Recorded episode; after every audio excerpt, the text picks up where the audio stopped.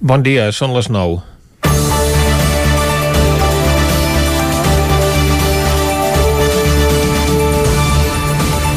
Pedro Sánchez treu pit amb el seu pla de recuperació, transformació i resiliència i ahir va desgranar alguns detalls del que avui ha de defensar davant del Senat. El president espanyol mobilitzarà 72.000 milions d'euros en més de 200 mesures, entre inversions i projectes, per modernitzar l'economia finançades amb fons europeus. Entre els capítols més destacats fins al 2023 hi ha 13.200 milions d'euros en desenvolupar una estratègia de mobilitat sostenible per promoure el cotxe elèctric amb més de 250.000 matriculacions.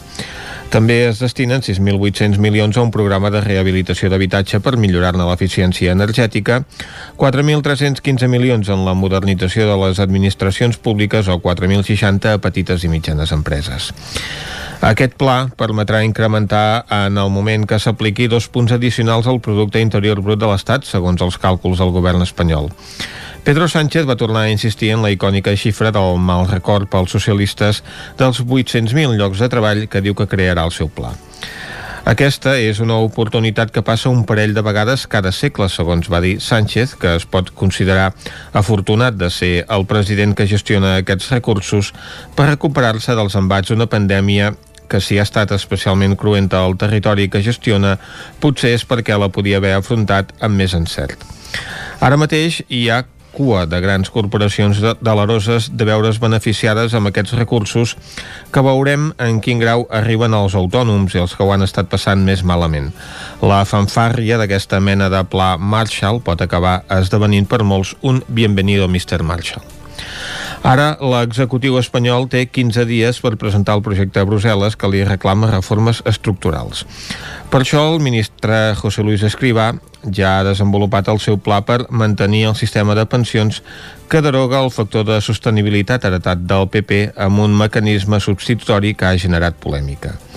El govern més progressista de la història planteja ara una jubilació demorada amb incentius per cada any de retir posposat mentre augmenta les penalitzacions en les jubilacions voluntàries anticipades encara que estiguin els anys cotitzats per retirar-se i que moltes vegades són forçades per les pròpies empreses. De fet, el pla es planteja davant de la necessitat d'ajornar l'increment de jubilacions i prejubilacions que es preveu davant de l'actual situació econòmica que ni la gran pluja de milions de Pedro Sánchez és capaç d'aturar. No és aquesta una mesura molt inclusiva per part del ministre d'Inclusió i Seguretat Social que ha de salvar els comptes com sigui. Com sempre, doncs, ho acabaran pagant els treballadors. Comencem Territori 17, a la sintonia del 9 FM, Ona Codinenca, Ràdio Cardedeu, La Veu de Sant Joan i el 9 TV. Territori 17, amb Vicenç Vigues i Jordi Sunyer. Són les 9 i 3 minuts del dimecres, dia 14 d'abril de 2021. Comença aquí un nou Territori 17 que, com sempre, durant la primera hora us acostarà tota l'actualitat de les nostres comarques. Després, com que som dimecres, les seccions habituals del tercer dia de la setmana. Avui, per exemple, passarem pel Lletra Ferits, parlant de literatura. Tindrem també el Territori Sostenible amb Jordi Givert i per acabar al punt de les 12 del migdia farem un repàs a l'agenda cultural per a aquest proper cap de setmana marcat pel confinament comarcal local, per tant només podrem gaudir presencialment de les activitats que es facin a la nostra comarca. Pel camí també passarem per Ripoll al descobrir eh, Catalunya, passarem per la R3 i moltes altres sorpreses. Ara el que ens toca per això és arrencar tot fent un repàs a l'actualitat de casa nostra, de les comarques del Ripollès, Osona, el Moianès i el Vallès Oriental.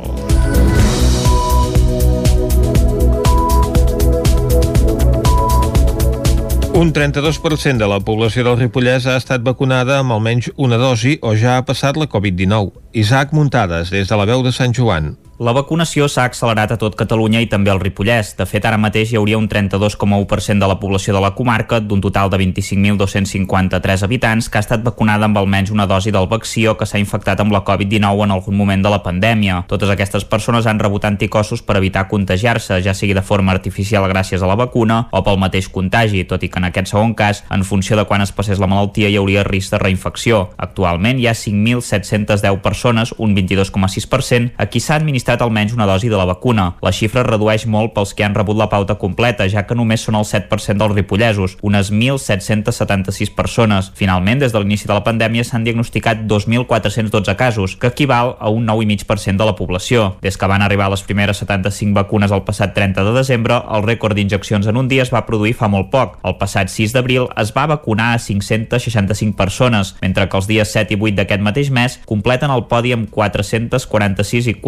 405 vaccins administrats, un total de 1.416 persones en només 3 dies que equival al 5,6% de la població del Ripollès. Un exemple clar d'aquesta acceleració amb la vacunació el trobem a Sant Joan dels Abadeses. La infermera del consultori local, Anna Mas, explicava que la setmana passada va canviar el guió radicalment. Aquesta setmana hem fet un dia de vacunació massiva a l'antic escorxador. Ens han arribat moltes dosis aquesta setmana i hem pogut vacunar 171 persones de la franja d'edat entre 70 i 79 anys. S'ha començat pels més grans, els de 79, i anar baixant fins a completar els 171 persones que hem, que hem vacunat. Hem arribat quasi bé els que tenen 73 anys. Més gran de 80 anys ja no pot quedar algú molt puntual que en el seu moment per alguna cosa, perquè estigués ingressat a l'hospital, per alguna cosa així molt puntual no es vacunés. Però els més grans de 80 anys ja està tothom. Des del CAP valorem molt positivament que ara aquesta setmana i la setmana passada han arribat moltes vacunes. Han arribat més vacunes en una setmana que en tot el mes de març passat. El mes de març ens queixàvem de que arribaven les vacunes amb contagotes i que en teníem molt poques. Mas va recordar que Ripoll s'està vacunant amb la vacuna d'Oxford AstraZeneca a tothom qui vulgui de la franja d'entre 60 i 65 anys i només cal demanar hora a través d'internet. Els efectes del virus per Setmana Santa es fan notar al Moianès. Pugen els contagis, augmenta el risc de rebrot i es duplica la velocitat de propagació. Caral Campàs, des d'Ona Codinenca. Així ho demostren les últimes dades que ha fet públiques el Departament de Salut i que corresponen a la setmana que va del 2 al 8 d'abril. Com dèiem, la comarca ha patit un augment en tots els registres en una setmana on s'han practicat 166 PCR i 74 tests d'antígens. Del total de proves, 33 han sortit positives, mentre que la setmana anterior es van produir menys de la meitat de contagis, només 14. Això ha fet que l'índex de rebrot es dispari i passi dels 358 punts als 738 actuals, la quarta xifra més alta de tot Catalunya. Pel que fa a la R que calcula la velocitat de propagació del virus, la comarca també té el dubtós honor d'ocupar la quarta posició i pujar fins a 2,03. A més, s'ha hagut de lamentar una nova defunció per Covid. Del total de morts des de l'inici de la pandèmia ja és de 43 persones. Si mirem poble per poble, destaca negativament Mollà, amb 24 contagis i un risc de rebrot que s'eleva fins als 1.070 punts. De fet, si no fos per la capital, la resta de la comarca hauria baixat els indicadors en el seu conjunt. D'altra banda, hem de tornar a parlar de les afectacions del virus als centres educatius amb la tornada dels alumnes a l'escola. Hi ha l'Institut Moianès amb 7 positius, l'escola Josep Urriols i Roca de Mollà amb 3 i una aula confinada i l'escola Pia també de Mollà amb 3 positius. Aquestes xifres posen de, de manifest el perquè la mitjana d'edat de contagis durant aquesta setmana ha baixat fins als 27 anys. Malgrat tot es manté el bon ritme de vacunes de la setmana passada amb 486 primeres dosis, tot i que només 17 de la segona que les resolucions siguin més entenedores. Aquesta és la petició que Joan Sala, el síndic de Greuges de Vic, va traslladar dilluns al ple de Vic on va donar compte de la feina feta durant el 2020. Durant el plenari també es va aprovar el Pla Estratègic de Turisme de Vic, un document que vol posicionar la capital usonenca a través del turisme cultural i sostenible. El síndic de Greuges de Vic, Joan Sala, va obrir el ple donant compte de la feina feta durant el 2020. De gener a desembre, l'oficina del síndic a Vic va rebre 113 casos, sent un dels quals van ser queixes. La convivència, la seguretat i el benestar van centrar gran part dels casos atesos. D'aquest any marcat per la pandèmia, Sala en destaca la capacitat que ha tingut l'oficina de continuar atenent amb celeritat els veïns i veïnes que ho han sol·licitat. Pel que fa millores, el síndic traslladava al plenari que la ciutadania es queixa de la fredor rebuda en les resolucions sovint poc entenedores. Escoltem a Joan Sala. Crec que s'haurien de tenir més en compte els petits detalls. En molts casos que m'han arribat es troba a faltar el tenir en compte aquest factor humà en la seva resolució la queixa sovint es gestiona amb rigor i fredor, i així la persona no se sent ni atesa, ni entesa, ni tinguda en compte. El plenari també va aprovar el Pla Estratègic de Turisme de Vic, un document que amb la mirada posada al 2025 vol posicionar la capital usonenca a través del turisme cultural i sostenible. Susana Roura és la regidora de Turisme de l'Ajuntament de Vic. Es busca saber gestionar el turisme a través de l'art i de la cultura i expansionar-lo des del centre històric cap a l'exterior, cap als barris, cap a la pròpia URBS, però fins i tot expansionar-lo més enllà de la ciutat, a través de la, de la comarca. El pla de turisme va rebre el suport unànime de tots els grups del plenari.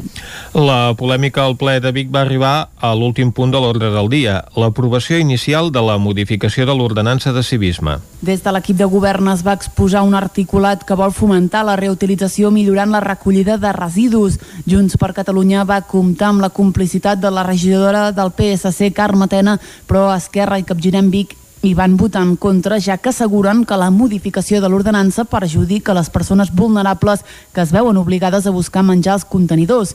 Sentim per aquest ordre a Vic i Terri Cabres d'Esquerra, a Carla Dinerès de Capgirem Vic i també a Albert Castells, regidor de Medi Ambient. I malauradament trobem persones rebuscant en els contenidors.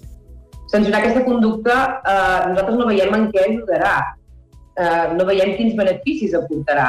I d'altra banda el que sí veiem és que agreujarà encara més la situació d'aquestes persones que podran ser sancionats per aquesta conducta. Multar la gent que busca aliments o objectes de les deixalles és criminalitzar la pobresa i és greu. Sobretot en una ciutat que s'autodenomina a la mesura humana. És trist, és classista, és zero empàtic i és molt greu. L'incivisme no té res a veure amb el que estan parlant de la pobresa, però res a veure per tant, jo els convido a que vinguin a fer aquest treball de dia a dia, de carrer, que fem des de l'Ajuntament, tant amb el sector social com amb els veïns dels barris que pateixen l'incivisme. El que pretén aquesta modificació és treballar en aquesta doble línia, en eh, controlar l'incivisme i en potenciar la reutilització perquè a Vic eh, ningú ha d'anar a un contenidor a buscar res. El que hem de fer és que tothom tingui els seus canals d'ajuda, que és el que estem treballant amb les entitats socials. La pandèmia de Covid-19 ha obligat a suspendre per segon any consecutiu la plec de l'ermita de Sant Sebastià. Aquest diumenge, per mantenir viva la flama, els administradors hi van organitzar una jornada de portes obertes. Sense la pandèmia de coronavirus, aquest passat diumenge l'ermita de Sant Sebastià s'hi hauria fet la plec, la cantada de caramelles, la rossada o la típica ballada de sardanes a la tarda. Amb aquests actes suspesos per la situació sanitària, els administradors van organitzar una jornada de portes obertes a l'ermita amb aforament limitat i limitat i controlat que hi va portar gent sobretot al matí. Escoltem a Pere Creus, responsable de la jornada de portes obertes.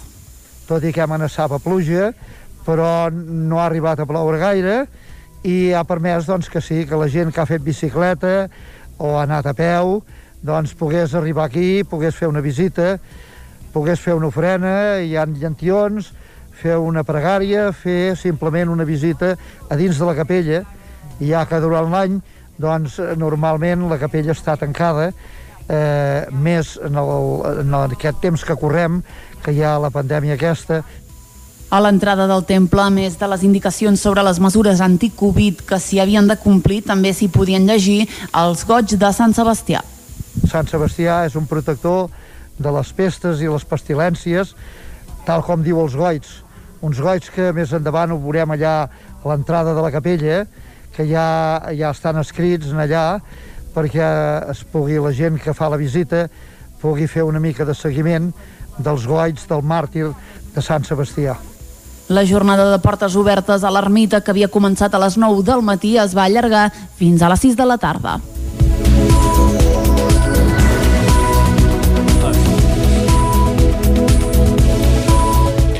Mireia Boter, portera del cadet femení del club en vol Cardedeu, ha estat convocada per la selecció espanyola per realitzar dues estades a Valladolid. David Oladell, de Ràdio Televisió, Cardedeu. La portera del cadet femení del club en vol Cardedeu, Mireia Boter, ha estat convocada amb la selecció espanyola en una estada que s'ha celebrat a Valladolid. Fins ara la jove portera cardedeuenca havia estat convocada per la selecció territorial i per la selecció catalana i assegura que ha rebut amb moltes ganes la trucada de la selecció espanyola. Escoltem Mireia Boter, jugadora del Club d'Handbol Cardedeu i l'entrenador Domin Cáceres.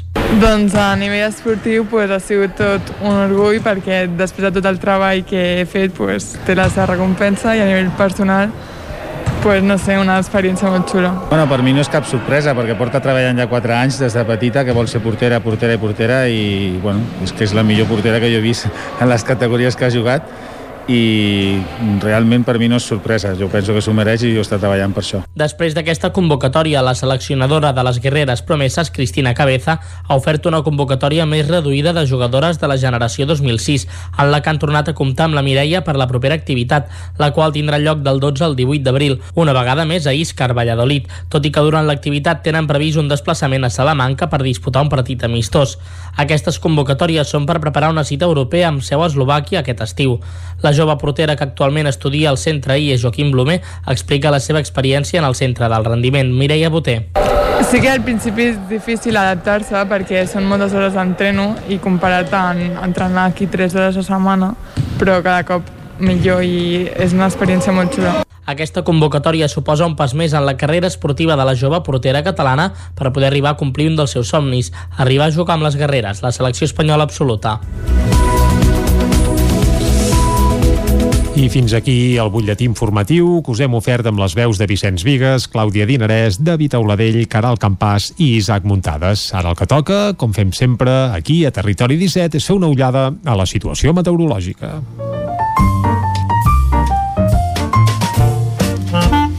Casa Terradellos us ofereix el temps. I qui ens porta el temps a Territori 17 és cada dia en Pep Acosta, a qui ja saludem. Bon dia, Pep. Hola, molt bon dia. Bon dia, bon dia. Tenim un anticicló uh -huh. uh, cap a Itàlia, més aviat cap a Grècia. Uh -huh. uh, tenim també una pertorbació a l'oest de la península Ibèrica i hi ha una petita entrada de vents de... siberians de, conti... del continent europeu, de... del vell mig del continent europeu, una mica de nord també, i això fa que, que les temperatures es mantinguin molt, molt a ratlla, eh? que no pugin.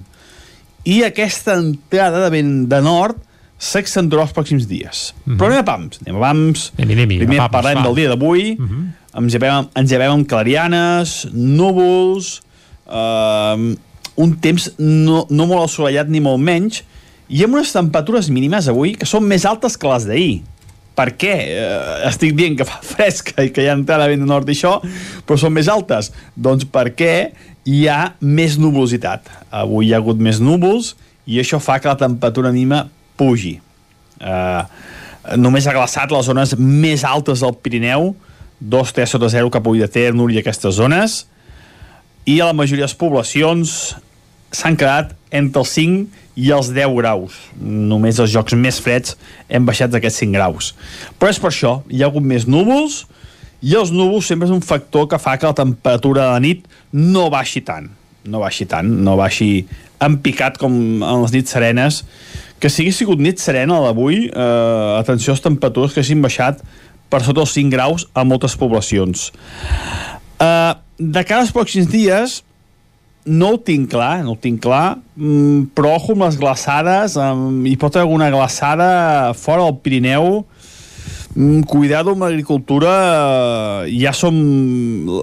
algunes sembres ja estan molt avançades, algunes floracions també, mm, cuidado, cuidado, les pròximes 4-5 nits en alguna zona hi pot haver alguna glaçada, eh? segur, segur. Les zones més fredes de les nostres comarques hi haurà glaçades. Compte, compte amb el que, amb el que pugui passar les pròximes nits pel que fa a, a l'agricultura. El dia d'avui, eh, com deia, ara ens hem llevat amb bastants núvols i de cara a la tarda tenim novetats. Tenim novetats perquè hi ha més aire fred i ja a partir del migdia, 12, 1, 2, creixeran nuvolades a les zones de muntanya. Uh -huh. Les nuvolades seran importants aquesta tarda, aniran a més. I jo crec que a les 3, 4 començaran a descarregar les primeres precipitacions. Pirineu i Prepirineu. Sobretot serra transversal i Ripollès és on plourà.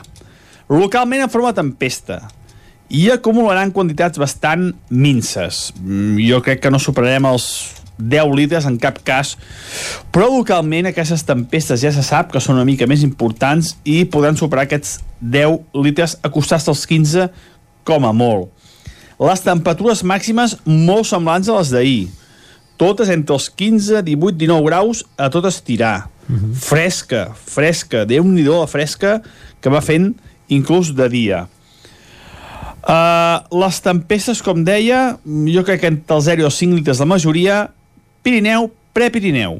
No es descarten a última hora del dia Montseny i Guilleries, tot i que serien més difícils de, de que caiguin i més, eh, molt més minces, eh? precipitacions molt minces si arriben a caure al Pirineu i a les Guilleries. Vents de direccions variables, bastant fluixos, a última hora entrarà més nord. Sobretot es notarà a la zona del Pirineu. Uh, el Pirineu aquests dies farà molt de fred, aviso, eh? Farà molt de fred a zona del Pirineu aquests dies, uh -huh. uh, com hivern, gairebé com hivern, uh, però bé, no em vull adelantar, no em vull adelantar, però s'esperen dies bastant hivernals a la zona del Pirineu. La cota neu avui encara bastant alta, voltarà als 1.800 1.100 metres en el moment de, de tempesta. Això és tot. A disfrutar el dia d'avui. Matí amb sol i núvols. A la tarda, creixement de nuvolades, sobretot precipitacions cap al Pirineu. Demà farem un resum de tot plegat, havent sigut alguna tempesta localment una mica forta. Moltes gràcies, fins demà. Adéu. Doncs moltes gràcies, Pep, i ens alertes que sobretot de cara al Ripollès aquesta tarda pot uh, estar tot plegat passat per aigua, eh? Per tant, Vicenç, si vas a fer un vol al Ripollès, cosa impossible, perquè ara mateix som a Osona i en teoria hi ha confinament comarcal, mm -hmm. doncs amb el paraigua. Sí, si cauen 10 litres com pronostica ell, doncs ja està prou bé, la veritat. Estaria bé, estaria no bé. No és pas una pluja minsa a aquesta època de l'any. I fa falta, a més a més, que oh, està tot una mica, una mica sec. Doncs va, uh, secs o molls, el que farem ara és anar a treure el cap cap al quiosc. Casa Tarradellas us ha ofert aquest espai.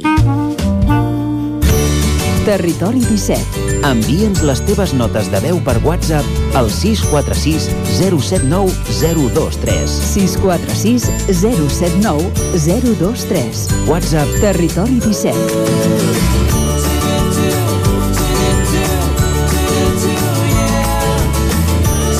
Territori 17. Som a Facebook, Twitter i Instagram amb l'usuari Territori 17.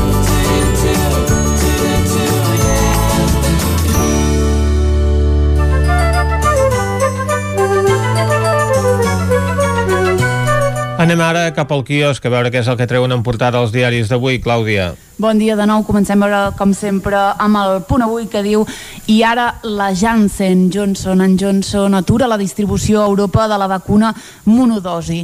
Avui s'havia de començar a administrar a la població de 70 a 79 anys. Salut proposa espaiar les segones dosis per vacunar a més gent. A la imatge per assistents a la Meridiana fa 400 dies que la mobilització independentista talla cada vespre l'avinguda.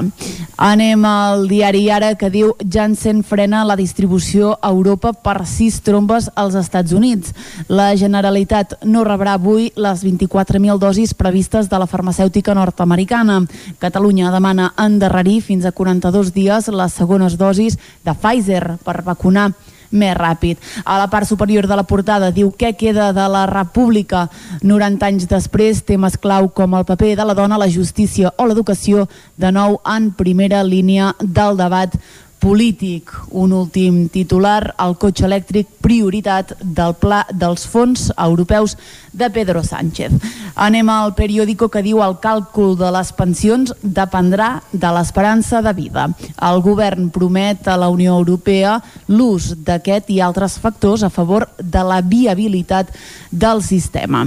A la imatge, l'aigua de Fukushima, Merkel recupera competències dels estats per lidiar sola amb la pandèmia i com hem vist a les altres portades, Janssen frena el repartiment de la seva vacuna a Europa per alguns casos de trombes. Anem a l'avantguàrdia que diu el cotxe elèctric i l'habitatge lideraran els fons europeus. Els altres grans programes inclouen la reforma de l'administració, la digitalització de les pimes, el 5G i la política industrial.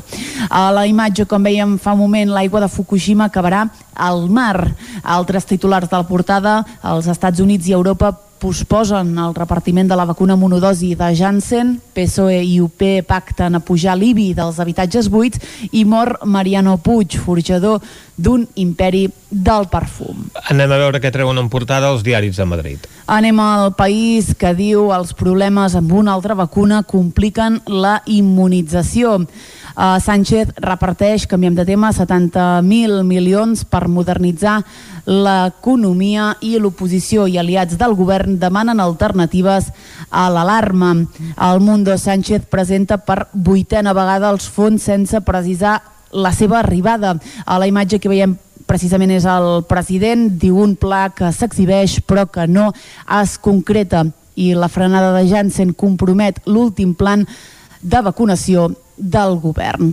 Anem a la raó que diu la frenada de Janssen allunya la immunitat de grup fins a l'any 2020. Aquí veiem a la imatge és eh, Pedro Sánchez que diu desmenteix a Gabilondo i confirma el impuestazo a Madrid. Així mateix ho diu la portada de La Razón que també diu suport al Congrés a una pròrroga de l'estat d'alarma.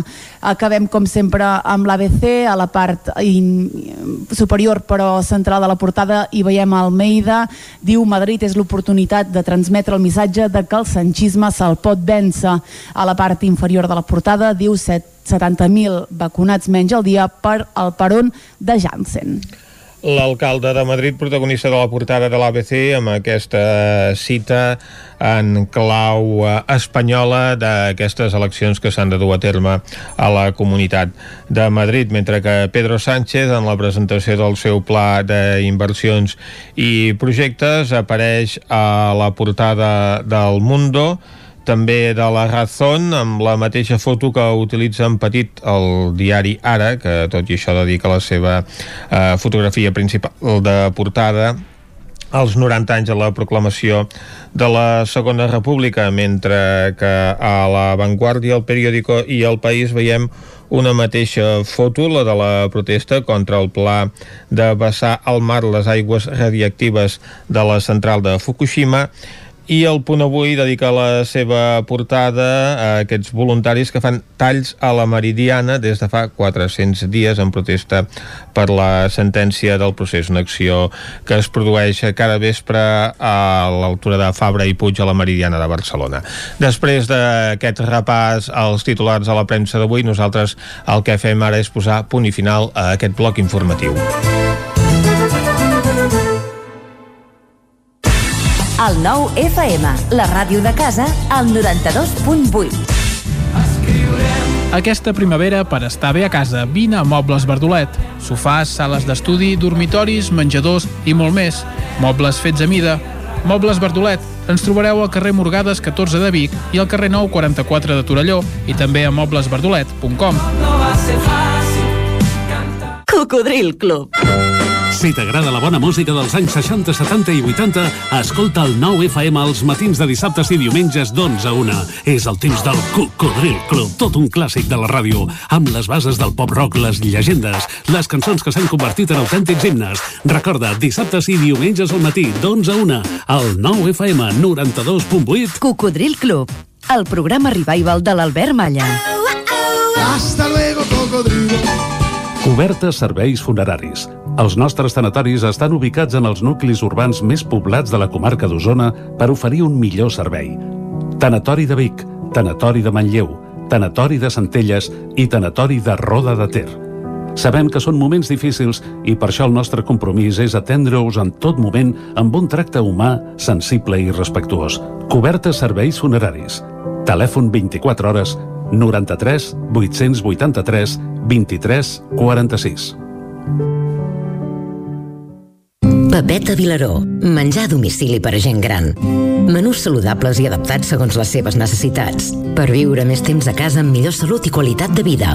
Informa't al 931 31 71 81 o a pepetavilaró.cat. Pepeta Vilaró. La salut i el benestar dels nostres avis comença per cuidar el que mengen. A Aquari Jordi hi trobaràs periquitos, canaris i tot tipus d'ocells, conills, hàmster, ratolins, rates índies, peixos tropicals i molt més. Aquaris, tortugues, joguines i tots els complements i menjars per tot tipus d'animals. Vine a informar-te de totes les nostres ofertes.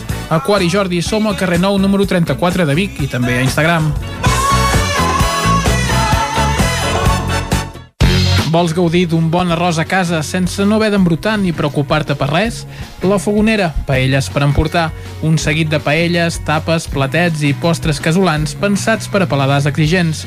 Ara més, fem menús per a petits grups de comensals. La Fogonera, la rosseria de paelles per emportar a GURB i que també et portem a casa. Telèfon 93 851 55 75 i a lafogonera.cat. I quan cau la nit, Pupurri Culinari, solucions per sopar les nits de divendres i dissabte. Entra a pupurriculinari.cat i tria.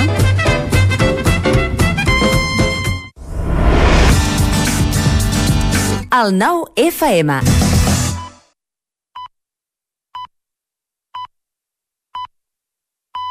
Territori 17, amb Vicenç Vigues i Jordi Sunyer. Dos quarts de deu en punt del matí d'avui dimecres, dia 14 d'abril de 2021. Seguim en directe aquí a Territori 17 i de seguida us acostarem de nou tota l'actualitat de les nostres comarques. Després, a partir de les 10, tindrem un nou butlletí informatiu. Tot seguit, l'entrevista. Avui parlarem amb Josep Canet, responsable del concurs de teatre amateur de Sant Feliu de Codines, per conèixer tots els detalls d'aquest certamen. També tindrem avui lletra ferits, per tant vol dir que parlarem de literatura. Ho farem amb l'escriptora ripollesa Imma Puigcorbé. A més a més, anirem també a repassar l'agenda cultural per aquest proper cap de setmana. Ho farem a tot el territori i repassant tots els actes que tindran lloc, això sí, en un cap de setmana marcat de nou pel confinament comarcal i encara ens esperen moltes més sorpreses. Per exemple, passarem per la Trenc d'Alba per descobrir alguna aventura relacionada amb la R3 i també anirem avui fins a Ripoll per conèixer els encants d'aquesta població al Descobrint Catalunya. Catalunya. Tot això i moltes coses més les farem des d'ara mateix i fins al punt de les 12 del migdia. El que toca, però, ara és acostar-vos de nou l'actualitat de casa nostra, l'actualitat de les comarques del Ripollès, Osona, el Moianès i el Vallès Oriental.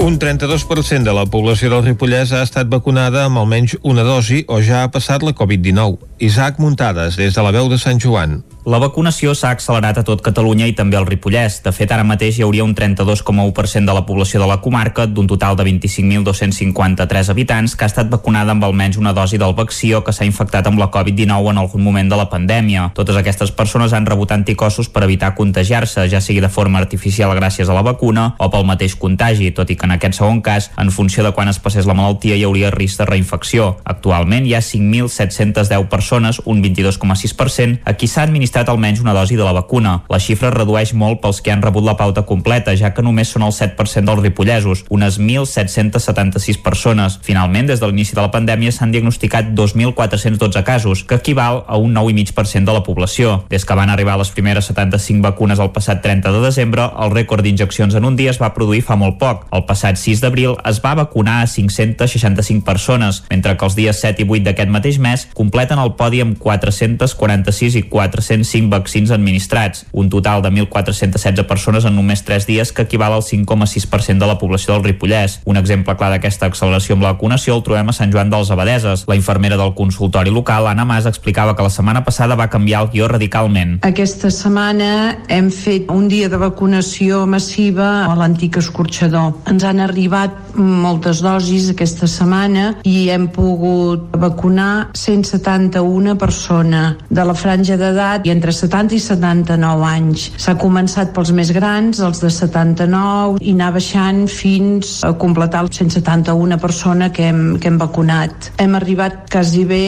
els que tenen 73 anys. Més gran de 80 anys ja no pot quedar algú molt puntual que en el seu moment per alguna cosa, perquè estigués ingressat a l'hospital, per alguna cosa així molt puntual no es vacunés. Però els més grans de 80 anys ja està tothom.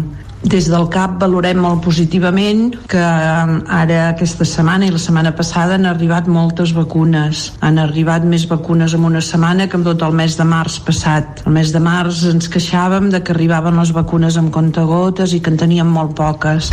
Mas va recordar que Ripoll s'està vacunant amb la vacuna d'Oxford AstraZeneca a tothom qui vulgui de la franja d'entre 60 i 65 anys i només cal demanar hora a través d'internet.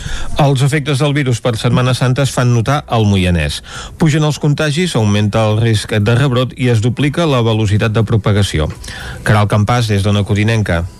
Així ho demostren les últimes dades que ha fet públiques el Departament de Salut i que corresponen a la setmana que va del 2 al 8 d'abril. Com dèiem, la comarca ha patit un augment en tots els registres en una setmana on s'han practicat 166 PCR i 74 tests d'antígens. Del total de proves, 33 han sortit positives, mentre que la setmana anterior es van produir menys de la meitat de contagis, només 14. Això ha fet que l'índex de rebrot es dispari i passi dels 358 punts als 738 actuals, la quarta xifra més alta de tot Catalunya. Pel que fa a la R que calcula la velocitat de propagació del virus, la comarca també té el dubtós honor d'ocupar la quarta posició i puja fins a 2,03. A més, s'ha hagut de lamentar una nova defunció per Covid. Del total de morts des de l'inici de la pandèmia ja és de 43 persones. Si mirem poble per poble, destaca negativament Mollà, amb 24 contagis i un risc de rebrot que s'eleva fins als 1.070 punts. De fet, si no fos per la capital, la resta de la comarca hauria baixat els indicadors en el seu conjunt.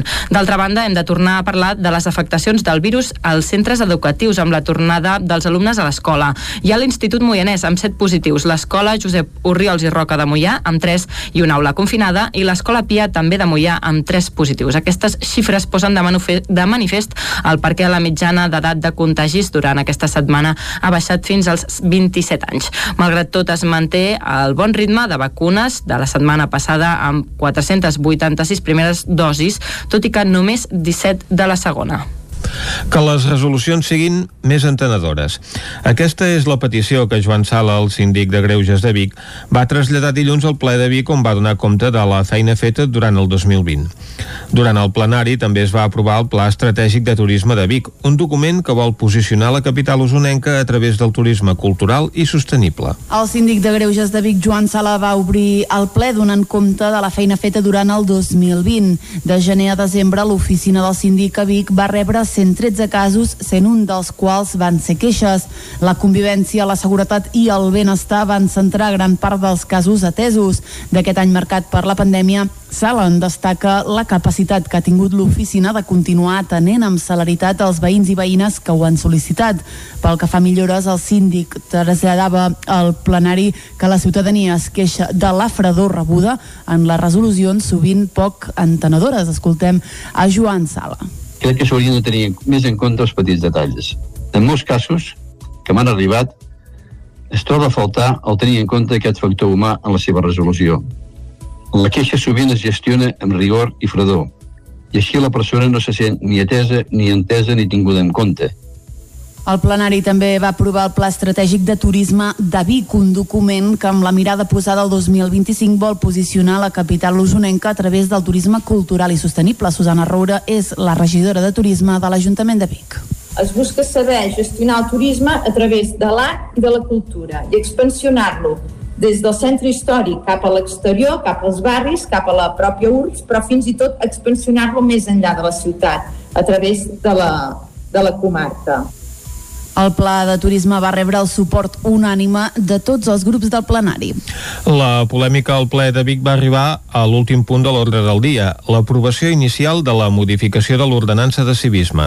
Des de l'equip de govern es va exposar un articulat que vol fomentar la reutilització millorant la recollida de residus. Junts per Catalunya va comptar amb la complicitat de la regidora del PSC, Carme Tena, però Esquerra i Capgirem Vic i van votar en contra ja que asseguren que la modificació de l'ordenança perjudica les persones vulnerables que es veuen obligades a buscar menjar als contenidors. Sentim per aquest ordre a Vic i Terri Cabres d'Esquerra, a Carla Dinerès de Capgirem Vic i també a Albert Castells, regidor de Medi Ambient. I malauradament trobem persones rebuscant en els contenidors. Sancionar aquesta conducta eh, nosaltres no veiem en què ajudarà eh, no veiem quins beneficis aportarà. I d'altra banda el que sí veiem és que agreujarà encara més la situació d'aquestes persones que podran ser sancionats per aquesta conducta. Muntar la gent que busca aliments o objectes de les deixalles és criminalitzar la pobresa i és greu. Sobretot en una ciutat que s'autodenomina a la mesura humana. És trist, és classista, és zero empàtic i és molt greu. L'incivisme no té res a veure amb el que estan parlant de la pobresa, però res a veure per tant, jo els convido a que vinguin a fer aquest treball de dia a dia, de carrer, que fem des de l'Ajuntament, tant amb el sector social com amb els veïns dels barris que pateixen l'incivisme. El que pretén aquesta modificació és treballar en aquesta doble línia, amb eh, controlar l'incivisme i en potenciar la reutilització perquè a Vic eh, ningú ha d'anar a un contenidor a buscar res. El que hem de fer és que tothom tingui els seus canals d'ajuda que és el que estem treballant amb les entitats socials. La pandèmia de Covid-19 ha obligat a suspendre per segon any consecutiu la plec de l'ermita de Sant Sebastià. Aquest diumenge, per mantenir viva la flama, els administradors hi van organitzar una jornada de portes obertes. Sense la pandèmia de coronavirus, aquest passat diumenge l'ermita de Sant Sebastià s'hi hauria fet la plec, la cantada de caramelles, la rossada o la típica ballada de sardanes a la tarda. Amb aquests actes suspesos per la situació sanitària, els administradors van organitzar una jornada de portes obertes a l'ermita amb aforament limitat i limitat i controlat que hi va portar gent sobretot al matí. Escoltem a Pere Creus, responsable de la jornada de portes obertes. Tot i que amenaçava pluja, però no ha arribat a ploure gaire i ha permès doncs, que sí, que la gent que ha fet bicicleta o ha anat a peu doncs pogués arribar aquí, pogués fer una visita, pogués fer una ofrena, hi ha llantions, fer una pregària, fer simplement una visita a dins de la capella, i ja que durant l'any doncs normalment la capella està tancada eh, més en, el, en aquest temps que correm que hi ha la pandèmia aquesta a l'entrada del temple, a més de les indicacions sobre les mesures anti-Covid que s'hi havien de complir, també s'hi podien llegir els goig de Sant Sebastià. Sant Sebastià és un protector de les pestes i les pestilències, tal com diu els goits. Uns goits que més endavant ho veurem allà a l'entrada de la capella, que ja, ja estan escrits allà perquè es pugui la gent que fa la visita pugui fer una mica de seguiment dels goits del màrtir de Sant Sebastià. La jornada de portes obertes a l'ermita que havia començat a les 9 del matí es va allargar fins a les 6 de la tarda.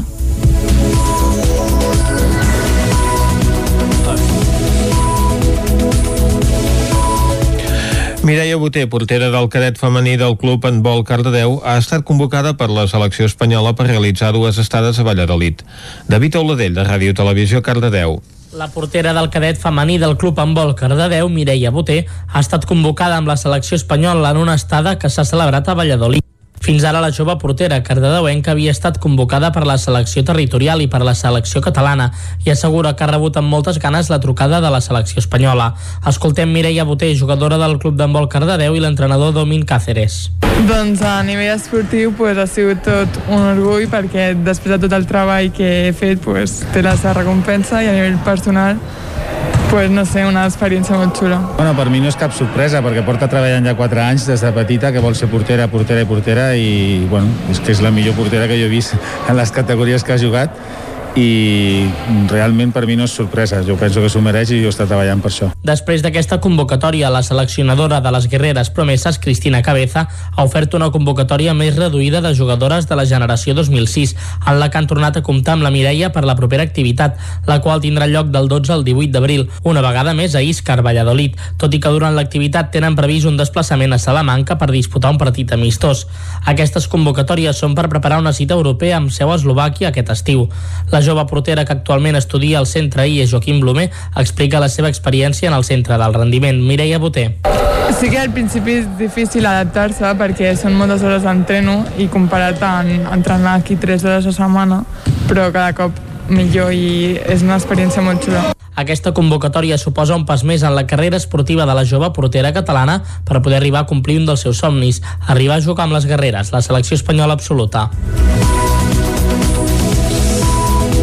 I fins aquí el butlletí informatiu que us hem ofert amb les veus de Vicenç Vigues, Clàudia Dinarès, David Auladell, Caral Campàs i Isaac Muntades. Ara el que toca, com fem sempre aquí a Territori 17, és fer una ullada a la situació meteorològica.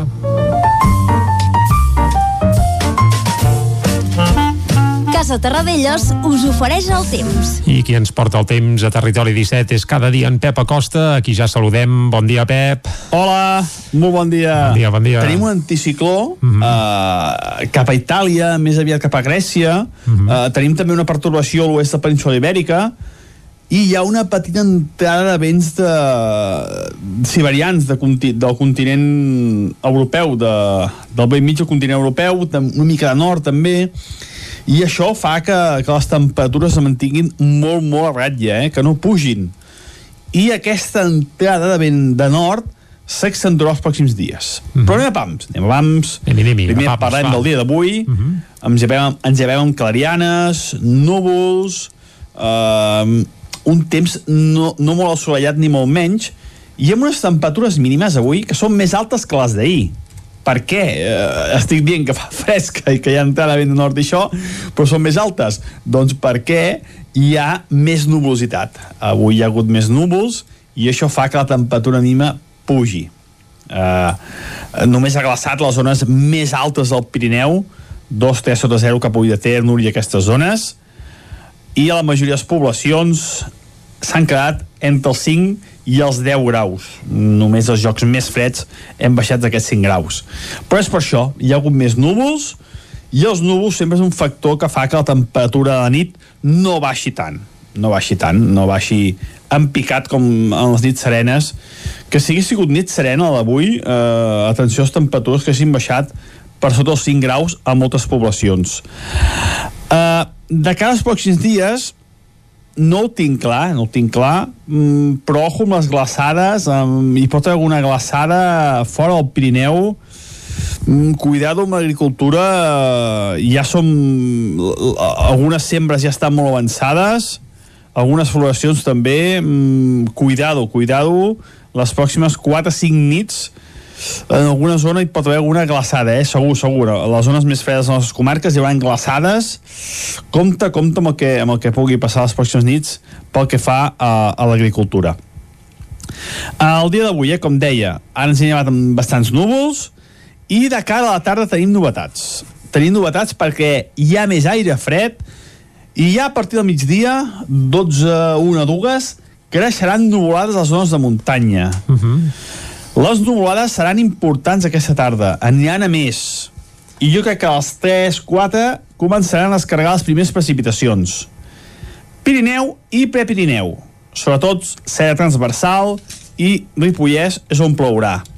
Localment en forma de tempesta i acumularan quantitats bastant minces. Mm, Jo crec que no superarem els 10 litres en cap cas, però localment aquestes tempestes ja se sap que són una mica més importants i podran superar aquests 10 litres acostar-se als 15 com a molt. Les temperatures màximes molt semblants a les d'ahir, totes entre els 15, 18, 19 graus a tot estirar. Uh -huh. Fresca, fresca, déu-n'hi-do la fresca que va fent inclús de dia. Uh, les tempestes, com deia, jo crec que entre els 0 i els 5 litres de majoria, Pirineu, Prepirineu. No es descarten a última hora del dia Montseny i Guilleries, tot i que serien més difícils de, de que caiguin i més, eh, molt més minces, eh? precipitacions molt minces si arriben a caure al Pirineu i a les Guilleries. Vents de direccions variables, bastant fluixos, a última hora entrarà més nord. Sobretot es notarà a la zona del Pirineu. Uh, el Pirineu aquests dies farà molt de fred, aviso, eh? Farà molt de fred a la zona del Pirineu aquests dies. Uh -huh. uh, com hivern, gairebé com hivern. Uh, però bé, no em vull adelantar, no em vull adelantar, però s'esperen dies bastant hivernals a la zona del Pirineu. La cota neu avui encara bastant alta, voltarà als 1.800 1.100 metres en el moment de, de tempesta. Això és tot. A disfrutar el dia d'avui. Matí amb sol i núvols. A la tarda, creixement de nuvolades. Sobretot precipitacions cap al Pirineu. Demà farem un resum de tot plegat. Ha sigut alguna tempesta localment una mica forta. Moltes gràcies. Fins demà. Adéu. Doncs moltes gràcies, Pep, i ens alertes que sobretot de cara al Ripollès aquesta tarda pot uh, estar tot plegat passat per aigua, eh? Per tant, Vicenç, si vas a fer un vol al Ripollès, cosa impossible, perquè ara mateix som a Osona i en teoria hi ha confinament comarcal, mm -hmm. doncs amb el paraigua. Sí, si cauen 10 litres com pronostica ell, doncs ja està prou bé, la veritat. Estaria bé, estaria no bé. és pas una pluja minsa a aquesta època de l'any. I fa falta, a més a més, que oh, està tot una mica, una mica sec. Doncs va, uh, secs o molls, el que farem ara és anar a treure el cap cap al quiosc. Casa Tarradellas us ha ofert aquest espai. Acabant. Territori 17. Envia'ns les teves notes de veu per WhatsApp al 646 079 023. 646 079 023. WhatsApp Territori 17.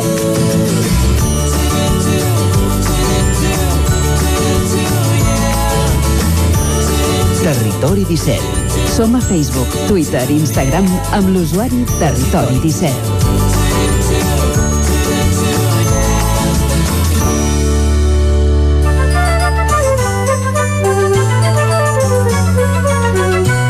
Anem ara cap al quiosc a veure què és el que treuen en portada els diaris d'avui, Clàudia. Bon dia de nou, comencem a veure, com sempre amb el punt avui que diu i ara la Janssen Johnson Johnson atura la distribució a Europa de la vacuna monodosi. Avui s'havia de començar a administrar a la població de 70 a 79 anys. Salut proposa espaiar les segones dosis per vacunar a més gent. A la imatge per assistents a la Meridiana fa 400 dies que la mobilització independentista talla cada vespre l'avinguda. Anem al diari Ara que diu Janssen frena la distribució a Europa per sis trombes als Estats Units. La Generalitat no rebrà avui les 24.000 dosis previstes de la farmacèutica nord-americana. Catalunya demana endarrerir fins a 42 dies les segones dosis de Pfizer per vacunar més ràpid. A la part superior de la portada diu què queda de la república 90 anys després, temes clau com el paper de la dona, la justícia o l'educació, de nou en primera línia del debat polític. Un últim titular, el cotxe elèctric, prioritat del pla dels fons europeus de Pedro Sánchez. Anem al periòdico que diu el càlcul de les pensions dependrà de l'esperança de vida. El govern promet a la Unió Europea l'ús d'aquest i altres factors a favor de la viabilitat del sistema. A la imatge, l'aigua de Fukushima, Merkel recupera competències dels estats per lidiar sola amb la pandèmia i com hem vist a les altres portades, Janssen frena el repartiment de la seva vacuna a Europa per alguns casos de trombes. Anem a l'avantguàrdia que diu el cotxe elèctric i l'habitatge lideraran els fons europeus. Els altres grans programes inclouen la reforma de l'administració, la digitalització de les pimes, el 5G i la política industrial. A la imatge, com veiem fa un moment, l'aigua de Fukushima acabarà al mar. Altres titulars de la portada, els Estats Units i Europa posposen el repartiment de la vacuna monodosi de Janssen, PSOE i UP pacten a pujar l'IBI dels habitatges buits i mor Mariano Puig, forjador d'un imperi del perfum. Anem a veure què treuen en portada els diaris de Madrid. Anem al país que diu els problemes amb una altra vacuna compliquen la immunització. Uh, Sánchez reparteix, canviem de tema, 70.000 milions per modernitzar l'economia i l'oposició i aliats del govern demanen alternatives a l'alarma. El Mundo Sánchez presenta per vuitena vegada els fons sense precisar la seva arribada. A la imatge que veiem precisament és el president, diu un pla que s'exhibeix però que no es concreta i la frenada de Janssen compromet l'últim plan de vacunació del govern. Anem a la raó que diu eh, la frenada de Janssen allunya la immunitat de grup fins a l'any 2020. Aquí veiem a la imatge és a Pedro Sánchez que diu desmenteix a Gabilondo i confirma el impuestazo a Madrid. Així mateix ho diu la portada de la raó que també diu suport al Congrés a una pròrroga de l'estat d'alarma. Acabem, com sempre, amb l'ABC, a la part in, superior però central de la portada i veiem Almeida, diu Madrid és l'oportunitat de transmetre el missatge de que el sanchisme se'l pot vèncer. A la part inferior de la portada diu 70.000 vacunats menys al dia per al peron de Janssen. L'alcalde de Madrid, protagonista de la portada de l'ABC, amb aquesta cita en clau eh, espanyola d'aquestes eleccions que s'han de dur a terme a la comunitat de Madrid, mentre que Pedro Sánchez, en la presentació del seu pla d'inversions i projectes, apareix a la portada del Mundo, també de la Razón amb la mateixa foto que utilitza en petit el diari Ara que tot i això dedica la seva eh, fotografia principal de portada als 90 anys de la proclamació de la Segona República, mentre que a la Vanguardia, el periòdico i el País veiem una mateixa foto, la de la protesta contra el pla de vessar al mar les aigües radiactives de la central de Fukushima, I el punt avui dedica la seva portada a aquests voluntaris que fan talls a la Meridiana des de fa 400 dies en protesta per la sentència del procés, una acció que es produeix cada vespre a l'altura de Fabra i Puig a la Meridiana de Barcelona. Després d'aquest repàs als titulars a la premsa d'avui, nosaltres el que fem ara és posar punt i final a aquest bloc informatiu. Molt bé, doncs va, punt i final al bloc informatiu i obrim el bloc musical que avui Vicenç tindrà relació també amb el tema, amb tema informatiu, eh? Ah, sí? Això ja ho... Sí.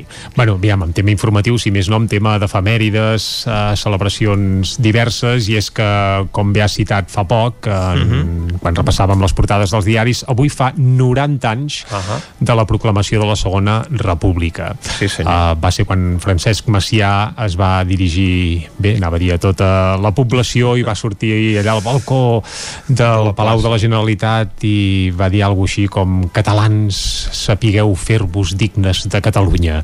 Eh, És el fragment que recordo jo, eh? I per commemorar-ho i celebrar-ho eh, hem repescat una cançó d'una banda de folk rock ja difunta que es diuen Mel i Mugró es deien, Mel i Mugró, i van treure un excel·lent disc que es deia Cançons Populars, i en aquest disc hi havia una cançó que es diu Lluita. És una cançó basada en la polca d'Ors, una melodia tonada popular, que ells van readaptar, i el més divertit de tot plegat, bé, divertit o curiós, o diguem-ne com vulguem, és que tot plegat s'enceta amb un fragment del discurs de Francesc Macià en la proclamació de la Segona República eh, Catalana. I és per això que en homenatge a Francesc Macià i a l'efemèride de que avui fa 90 anys de tot plegat, doncs avui volem escoltar aquest lluita de, de Meli Mugró, què et sembla? Doncs no seria una estrena mundial, però... No, no, això, això és ben cert, eh, la cançó ja té una certa edat, eh, és de principis de... Bé, concretament el disc es va publicar el 2013, per tant ja té, té uns, quants, uns quants dies i la cançó és molt anterior i ja no cal dir el discurs de Macià, aquest sí que, d'aquest sí que fa, que en fa uns quants dies, bé, bàsicament en fa 90 anys, però nosaltres ara el volem recordar, per tant esmoleu bé la- l'orella perquè se sent el Francesc Macià autèntic, eh? Tot va anar així. A veure. Catalans, interpretant el sentiment i els anells del poble que ens acaba de donar el seu sufragi, proclamo la República Catalana. Sapigueu fer-vos dignes de Catalunya. Tot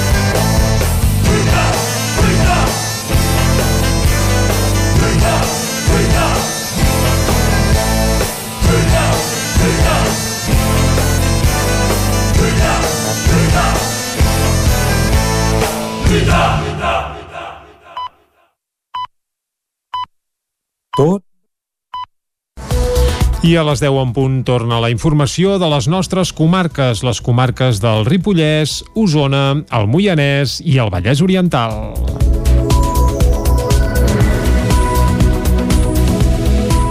Detenen un veí de Vic per robar de matinada en una pastisseria de la Rambla del Passeig. Els Mossos d'Esquadra van detenir aquest dimarts a la matinada un veí de Vic de 25 anys que estava robant en una pastisseria de la Rambla del Passeig de Vic.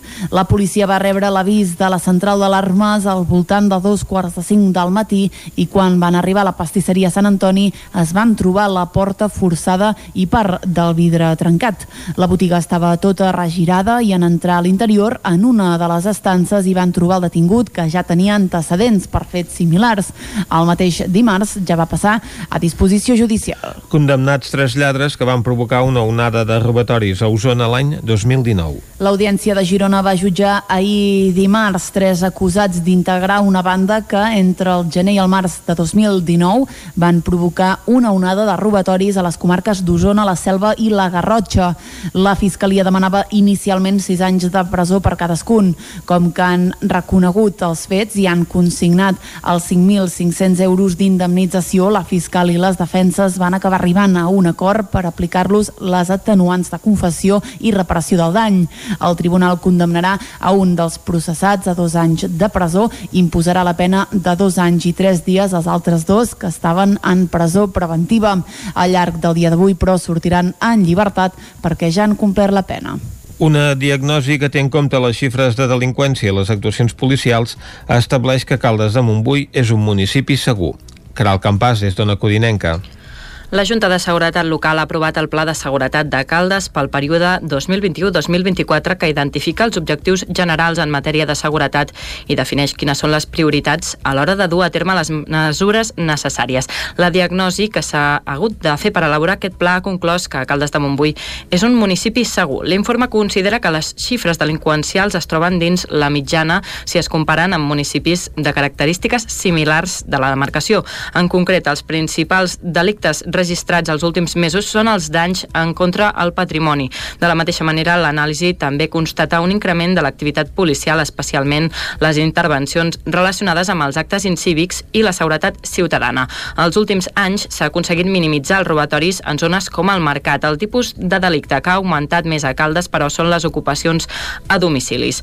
Per combatre-ho, el nou pla de seguretat aprovat recentment, que té vigència pels propers 3 anys, preveu la millora dels mètodes policials aprofitant les noves tecnologies. En parlava en aquest sentit l'inspector en cap de la policia local calderina, Manolo Ruiz. Les noves tecnologies ens permeten interaccionar amb els ciutadans de forma diferent, una, amb un, millor anàlisi, recollida de dades i posterior anàlisi. Això facilita la prevenció i el que és més important, la pedagogia. No volem més accions punitives, volem menys accions susceptibles de ser sancionades. Eh, que aquesta és la clau de la, de la prevenció i el pla local es defineix, eh, si per alguna cosa defineix, perquè té la voluntat de ser molt preventiu, avançar-se als problemes de la nostra societat. Una altra de les accions previstes és l'aplicació del programa Q de Festa Nits de Qualitat impulsat des de la Generalitat per la prevenció de riscos en l'oci nocturn. A Caldes l'objectiu és aplegar els agents implicats per treballar propostes conjuntament. No és un problema com a tal, o sigui, no tenim una dimensió de l'oci nocturn eh, com podrien tenir altres ciutats grans de, de la nostra comunitat, no? Però sí, hi ha un cert moviment, nosaltres ho estem detectant, ja, sempre hi ha botellons, hi ha concentracions de joves als parcs, la qual cosa es motiva una mica, si més no, des de la perspectiva del pla de la prevenció, reforçar aquest paper. Això ho acabarem concretant amb les taules de participació. La intenció és crear una taula de participació, promoure la implicació dels joves en matèria de prevenció de riscos i impulsar accions preventives en àmbits de drogues i soroll. 12 comerços de Planoles es beneficiaran d'ajudes de fins a 1.500 euros. Isaac Muntades, des de la veu de Sant Joan. Una dotzena de comerços de Planoles es veuran beneficiats per les ajudes que ha impulsat l'Ajuntament del municipi. Aquest dilluns acaba el termini per presentar les sol·licituds per demanar aquestes subvencions destinades a aquelles activitats empresarials o econòmiques del municipi que tinguessin menys de 10 treballadors i una facturació o balanç de situació de 2 milions d'euros o menys i que haguessin patit una reducció significativa dels ingressos des de l'1 d'octubre fins al 31 de desembre de l'any passat respecte a l'any anterior. El consistori ha consignat una partida de 35.000 euros i donarà 1.500 euros a aquelles activitats que hagin patit una reducció dels ingressos superior al 30%, 750 pels que hagin tingut una disminució d'entre el 20 i el 30% i 500 euros per aquells que la seva facturació hagi baixat entre un 10 i un 20% respecte al 2019. Per tant, segons l'alcalde de Planoles, David Verge, si tots els comerços estiguessin a la forquilla més alta, l'Ajuntament els subvencionaria amb uns 18.000 euros i en quedarien 17.000 per altres accions. Verge explicava com ha anat el procés per impulsar les ajudes i va reclamar més suport a la Generalitat de Catalunya. L'import l'hem tret de romanent perquè la Generalitat, a pesar d'insistir i de que ens van prometre de que això ens ho ingressarien durant el mes de gener, doncs no ens ho han ingressat i al final doncs, no, no, no podem esperar, perquè clar, la gent no pot esperar. La Generalitat de, ha fet un, amb això de la pandèmia, ha fet un fons extra per tots els ajuntaments. Aleshores, al mes de desembre ens van donar un 20% d'aquest import, nosaltres ens van donar 6.000 euros i a nosaltres ens corresponen uns de 35. El reste els hi vam demanar en reunions que vam tenir amb la consellera Budó i el vicepresident Aragonès al mes de gener i llavors els hi vam demanar que, si plau aquestes ajudes arribessin l'abans possible. La mateixa consellera Budó pues, ens va dir no us preocupeu que això al gener, com que depèn de nosaltres, us ho ingressarem. I bueno, estem a, a l'abril i aquesta diferència entre aquest 80% restant encara no ha vingut. Com que des del govern tardaven massa, fa un mes van tirar pel dret i van aprovar les bases a través d'una sessió plenària. Cal dir que només els negocis situats físicament a Planoles es podien beneficiar d'aquestes ajudes. A més, si era una persona física qui sol·licitava l'ajut, havia d'estar empadronat al poble. 18 noies d'entre 16 i 27 anys aspiren a convertir-se en Miss Gran Osona. Aquest certamen de bellesa d'àmbit internacional, que pretén diferenciar-se dels concursos habituals, va celebrar la primera gala aquest diumenge a Malla. Les 18 participants al concurs Miss Gran Osona eren investides oficialment candidates aquest diumenge en un acte amb aforament limitat al Parc Verd de Malla. Tenen entre 16 i 27 anys i opten a ser coronades en la primera edició usonenca d'aquest certamen que proclamarà la guanyadora el dia 27 de juny. El concurs és d'àmbit internacional, va néixer el 2013 i segons els seus impulsors vol trencar amb els clitxers habituals en les competicions de bellesa. A Osona hi ha aterrat de la mà de la maquilladora Virginia Palomares que no tan sol es mira la bellesa de la dona, sinó es miren uns valors, eh, que siguin companyes, que tinguin un propòsit. Totes les nostres candidates fan un, un projecte social i la que sigui Miss Gran Osona 2021 l'ha de realitzar. Per seleccionar les candidates es va fer un càsting previ. L'única condició física que es demanava era superar el metre 60 centímetres d'alçada. Durant el període del concurs, les candidates reben formació en estilisme, protocol, passarel·la, escenografia o control de les xarxes socials. Sentim a tres de les candidates finalistes. Són, per aquest ordre, Deyanira Pinos, Jennifer Arroyo i Anaïs Riera. I jo no em veia de fer Miss, saps? No, no em veia i li vaig dir que no. I després d'una setmana la Virgínia, la directora, em va comunicar, em va dir que si no m'agradaria i pues aquí estic, vivint l'experiència. Em van preguntar aviam si estava interessada i vaig dir, doncs anem a provar, uh, aviam si és una bona idea i aviam què tal tot. Sempre va haver una experiència nova. He decidit presentar-me perquè penso que aquest certamen no és només d'una cara bonica, sinó que també es mira molt per aquí dins i penso que totes tindrem una oportunitat de guanyar i és molt interessant. El concurs més gran ja es fa en altres comarques catalanes. Les guanyadores dels diferents àmbits comarcals competeixen després per ser escollides Miss Gran Catalunya. En cas de guanyar, accedeixen a Miss Gran Espanya i l'últim graó és Miss Gran Internacional. El pastisser del restaurant Divignus de Vic, Toni Closella, ha estat el guanyador de la primera edició del Plat del Ram, una de les propostes que es va estrenar en guany en la reinventada programació del Mercat del Ram de Vic. Set cuiners de restaurants de la ciutat de Vic van participar en la iniciativa en què presentaven una recepta a través del canal de YouTube del Mercat del Ram. Fins a 157 persones van respondre votant la millor recepta a les xarxes socials i la guanyadora amb el 41% dels vots va ser l'ou ferrat amb iogurt d'ovella amb cítrics que va fer Closella. Entre els participants s'ha sortejat un menú per dues persones al restaurant guanyador Divignus. El sorteig l'ha guanyat Carla Pérez. Des des de l'organització destaquen la bona rebuda del Plat del Ram, una iniciativa nascuda per reimpulsar el sector de la gastronomia i la restauració de Vic.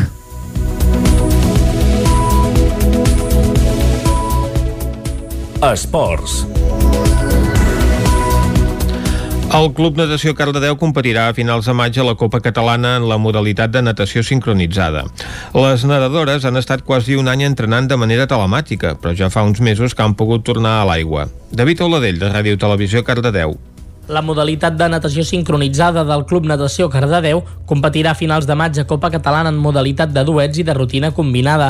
Hi havia una competició a l'abril, però el club ha decidit no presentar-se per la manca d'hores d'entrenament dins l'aigua. Les nedadores s'entrenen tot l'any per perfeccionar les diverses modalitats de natació sincronitzada, figures, rutina tècnica, equip lliure, solos, duets i rutina combinada. Judit Polls, entrenadora del Club Natació Cardedeu, i Maria Alvareda, nedadora i entrenadora. Sí que ens presentarem ja de cara al, de cara al juny, a finals de maig, l'últim cap de setmana de maig tenim competició de Copa Catalana de nivell 3 i de nivell 2 eh, en la qual competim en modalitat de duets i de rutina combinada. I al ser a l'estiu ja ens encarem també doncs, cap, a, cap a aquestes modalitats i donar a les nenes també una mica de tranquil·litat. Llavors, eh, anàvem a presentar-les al Campionat d'Espanya, però no hem pogut perquè ens han faltat moltíssimes hores i moltíssima aigua. Llavors no hem pogut presentar-les i finalment es presentaran a, a Copa Catalana de nivell 2. Els entrenaments en època de confinament han sigut de forma telemàtica. Ha estat una tasca molt complicada, sobretot per les més petites. En aquestes sessions es treballava la flexibilitat, la coordinació i la resistència. També es portaven a terme diferents coreografies per poder assimilar la pràctica telemàtica a la natació sincronitzada. Judit Polls i Irati Pérez, nedadora i entrenadora. Hem reinventat eh, per entrenar de forma telemàtica, ja que és un esport doncs, que a nivell físic, a nivell de flexibilitat, a nivell de dansa, doncs, podem treballar molts aspectes fora l'aigua, però la forma telemàtica, vulguis o no, a les nenes cansa, crema, i més quan són nenes petites i, i de base, no? I, per exemple, el telemàtic ha sigut molt complicat fins al punt que mm, vam haver de deixar de fer-ho, i quan vam poder vam començar a sortir a fer més activitats a l'aire lliure, Eh, però a l'aigua també ha costat molt perquè bueno, amb la mascareta i tot costa molt que ens sentin, són molt petites, es distreuen molt fàcil i mm, ha sigut bastant difícil. Actualment el club compta amb 27 nedadores que van dels 6 anys fins als 19, amb una llista d'espera de joves que volen entrar a formar part de la modalitat de natació sincronitzada. I fins aquí el butlletí informatiu de les 10 del matí que us hem ofert amb les veus de Vicenç Vigues, Clàudia Dinarès, David Auladell, Caral Campàs i Isaac Muntades. I ara, abans d'anar cap a l'entrevista, avui per conèixer els detalls del concurs de teatre amateur de Sant Feliu de Codines, fem una nova ullada al temps.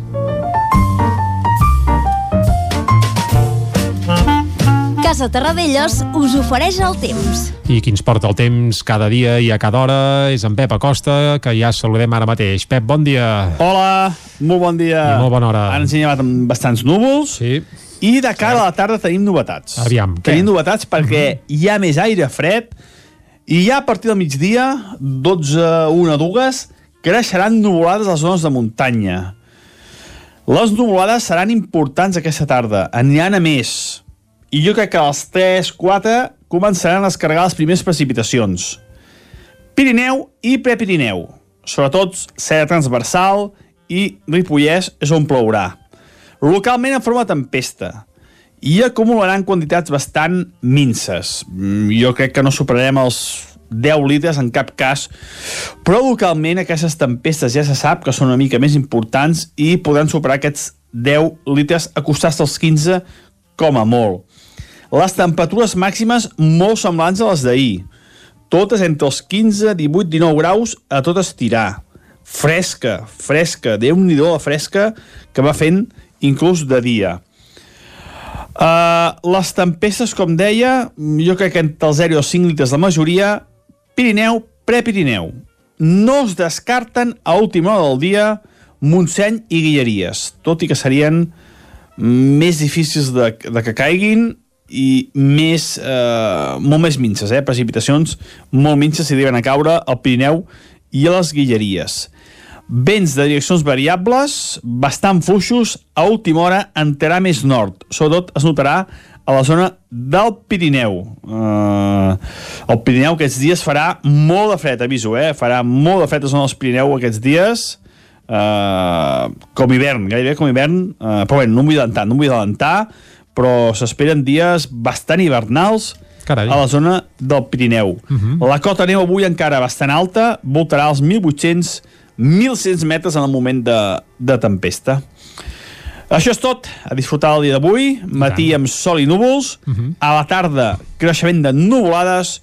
Sobretot precipitacions cap al Pirineu. Demà farem un resum de tot plegat, havent sigut alguna tempesta localment una mica forta. Moltes gràcies, fins demà. Vinga, Adéu. gràcies a tu, Pep. I ara nosaltres anem cap a l'entrevista. Casa Tarradellas us ha ofert aquest espai. Territori 17.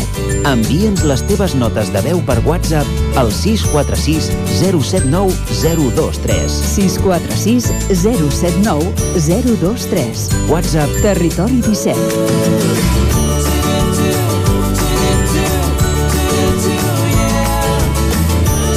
Territori 17. Som a Facebook, Twitter i Instagram amb l'usuari Territori 17.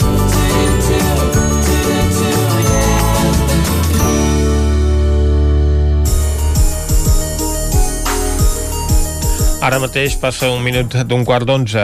A Sant Feliu de Codines aquest cap de setmana s'ha donat el tret de sortida de la 38a edició del concurs de teatre amateur.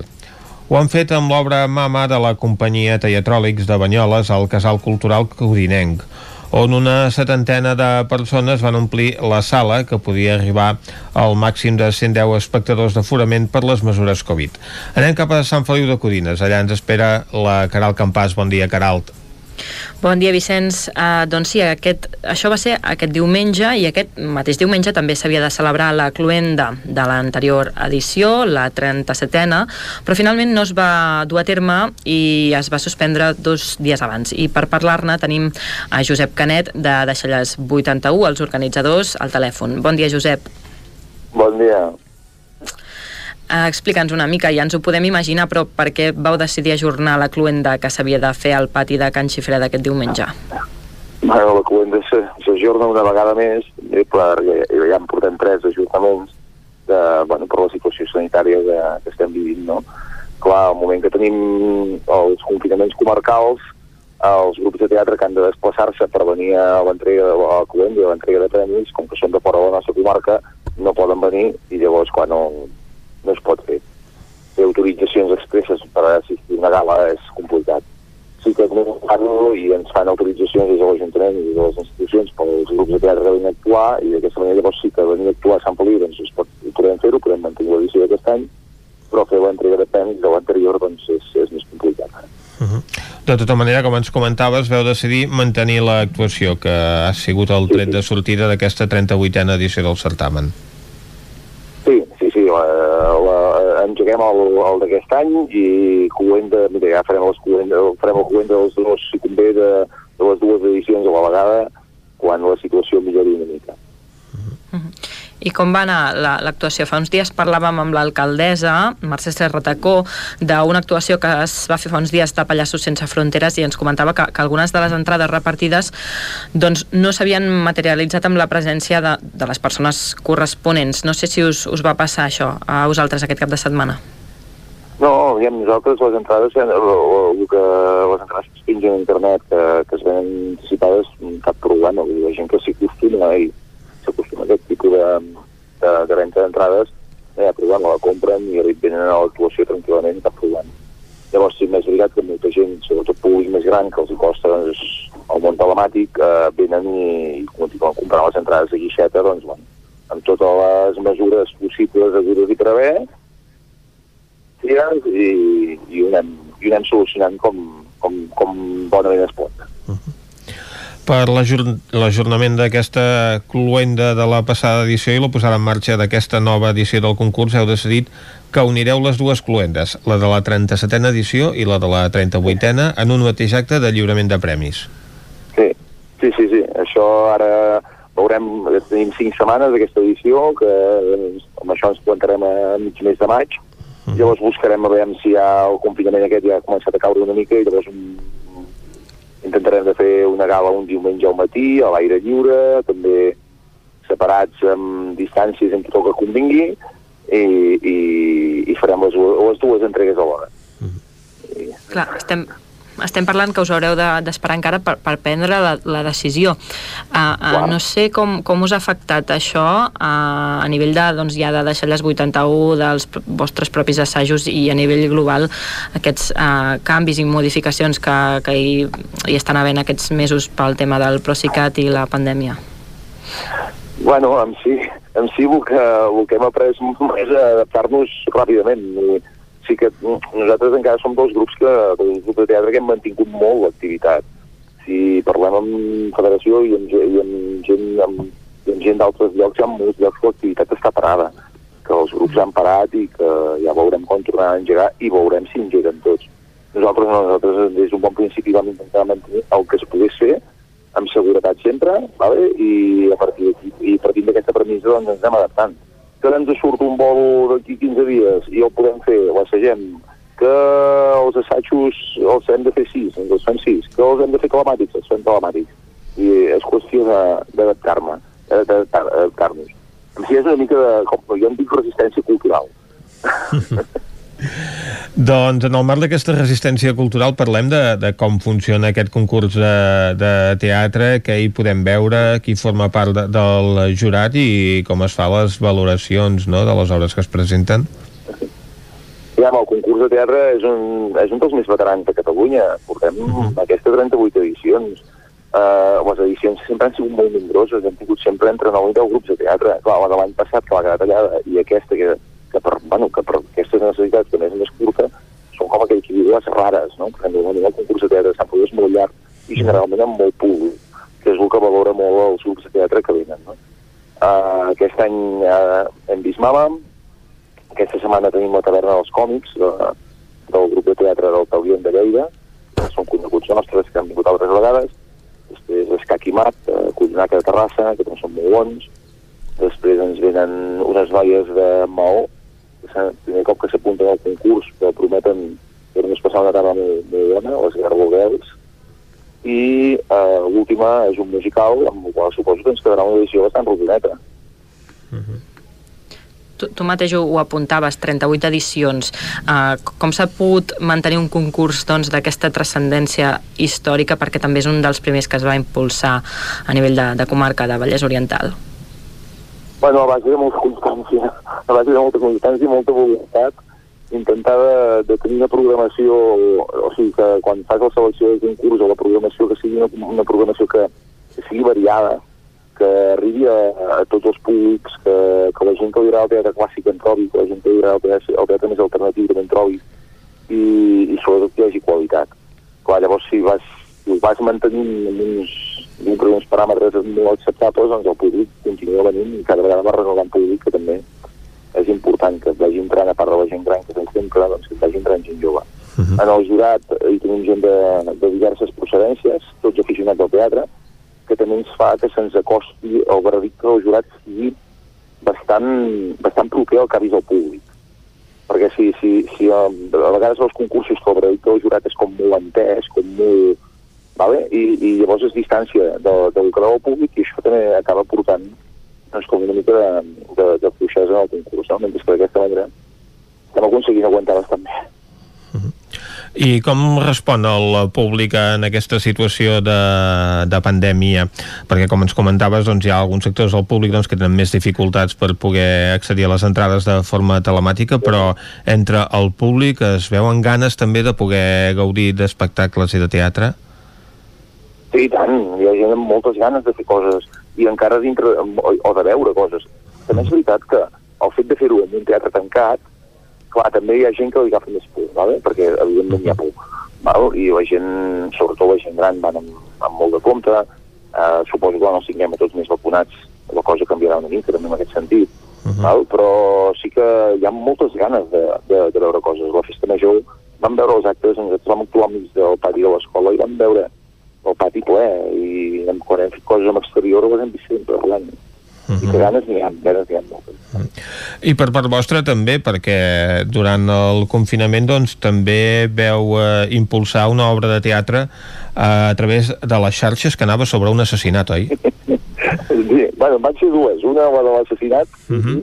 el, el que ha matat a l'Àlex Pou amb l'ajudant, que la vam tirar tota per, per Instagram, exclusivament per històries d'Instagram, i va funcionar molt bé, va estar molt... En el moment del confinament més tancat va estar molt bé. I llavors ho vam tornar-ho a fer amb els més petits, amb qui ha segrestat a la granota Felipa, que continuen penjades al nostre Instagram, si ho podeu veure, uh -huh. i el format continuava sent el mateix, o sigui, acabàvem actuant cadascú a casa seva. Això és resistència cultural, que deia. I per tant aquestes obres es poden, es poden seguir, no? Tots aquests episodis, a la gent que els vulgui veure a través de l'Instagram sí. del grup de teatre, si ens els recordes. Sí, a l'Instagram del grup de teatre és arroba de 81. Uh -huh. També hi ha, tenim links penjats a la web del grup, a www.81.cat. Uh, el, uh, si ho veieu per Instagram, uh, amb les històries destacades, els que, clar, això ho ben estan més acostumats, vale? les històries destacades vas veient tota la seqüència sencera i llavors n'hem penjat a YouTube, que tenim això, no, web i tenim el link, el vídeo com que aquí diu sencer. S'ha d'entendre que, per exemple, la l'Àlex Pou era interessant perquè cada dia sortien només 5 víctims. Uh -huh. I cada dia sortien com 5 petites cinc petites pastilletes, no? Uh -huh. I amb això de les històries que es fonen, vale? i cada dia anàvem donant pistes. Fins uh -huh. que la, la història va durar, doncs, em sembla que tres setmanes, un mes, i l'últim dia vam tenir un directe amb el, amb el investigador que portava el cas, també per Instagram, i llavors l'endemà eh, vam obrir el torn de votacions perquè el públic fes les seves apostes. Uh -huh. Doncs, eh, Josep, moltes gràcies per atendre'ns i endavant amb la tasca malgrat aquestes dificultats. Vinga, moltes gràcies. Avui hem parlat amb aquest responsable de Deixalles 80, organitzador del concurs de teatre amateur de Sant Feliu de Codines, que arriba ja a la seva 38a edició. Estem parlant d'un dels concursos de teatre amateur doncs, més antics de Catalunya, que aquest any es pot mantenir potser no de la forma més lluïda com ha passat amb anys anteriors, però que durant 5 setmanes portarà teatre a Sant Feliu de Codines. Ara nosaltres fem una pausa i tornem tot seguit. El nou FM, la ràdio de casa, al 92.8. Vols gaudir d'un bon arròs a casa sense no haver d'embrutar ni preocupar-te per res? La Fogonera, paelles per emportar. Un seguit de paelles, tapes, platets i postres casolans pensats per a paladars exigents. Ara més, fem menús per a petits grups de comensals. La Fogonera, la rosseria de paelles per emportar a GURB i que també et portem a casa. Telèfon 93 851 55 75 i a lafogonera.cat. I quan cau la nit, Pupurri Culinari, solucions per sopar les nits de divendres i dissabte. Entra a pupurriculinari.cat i tria. A Aquari Jordi hi trobaràs periquitos, canaris i tot tipus d'ocells, conills, hàmster, ratolins, rates índies, peixos tropicals i molt més. Aquaris, tortugues, joguines i tots els complements i menjars per tot tipus d'animals. Vine a informar-te de totes les nostres ofertes. Aquari Jordi som al carrer 9, número 34 de Vic i també a Instagram. Cocodril Club. Si t'agrada la bona música dels anys 60, 70 i 80, escolta el 9 FM els matins de dissabtes i diumenges d'11 a 1. És el temps del Cocodril Club, tot un clàssic de la ràdio, amb les bases del pop-rock, les llegendes, les cançons que s'han convertit en autèntics himnes. Recorda, dissabtes i diumenges al matí, d'11 a 1, al 9 FM 92.8. Cocodril Club, el programa revival de l'Albert Malla. Hasta luego. Anuncia't al 9FM. La màquina de casa. 9 3 8 8 9 4 9 4 9. Publicitat arroba al 9FM.cat. Anuncia't al 9FM. La publicitat més eficaç. Pintures Xevi Soler. Tot en pintures. Façanes, obra nova, rehabilitacions interiors de vivenda, estucs, microciments, pintura industrial, motllures, terres vinílics. Pintures Xevi Soler. Ens agrada assessorar-vos i fer de casa vostra el millor lloc del món. Ens trobareu a Manlleu, al carrer Sogorb 113, telèfon 616 15 87 33 o 93 851 3504. Vine a Autoscola Montseny i t'informarem de les nostres ofertes. Permís de moto 16 anys amb 4 pràctiques des de 399 euros. Permís de moto 18 anys amb 4 pràctiques des de 425 euros. Permís de cotxe amb 10 pràctiques des de 460 euros. I si vens amb un amic, et regalem una pràctica. Per més informació, Autoscola Montseny, a la Rambla de Vallades 13, primer segona de Vic, al telèfon 93 885 45 88 i també a Facebook i Instagram.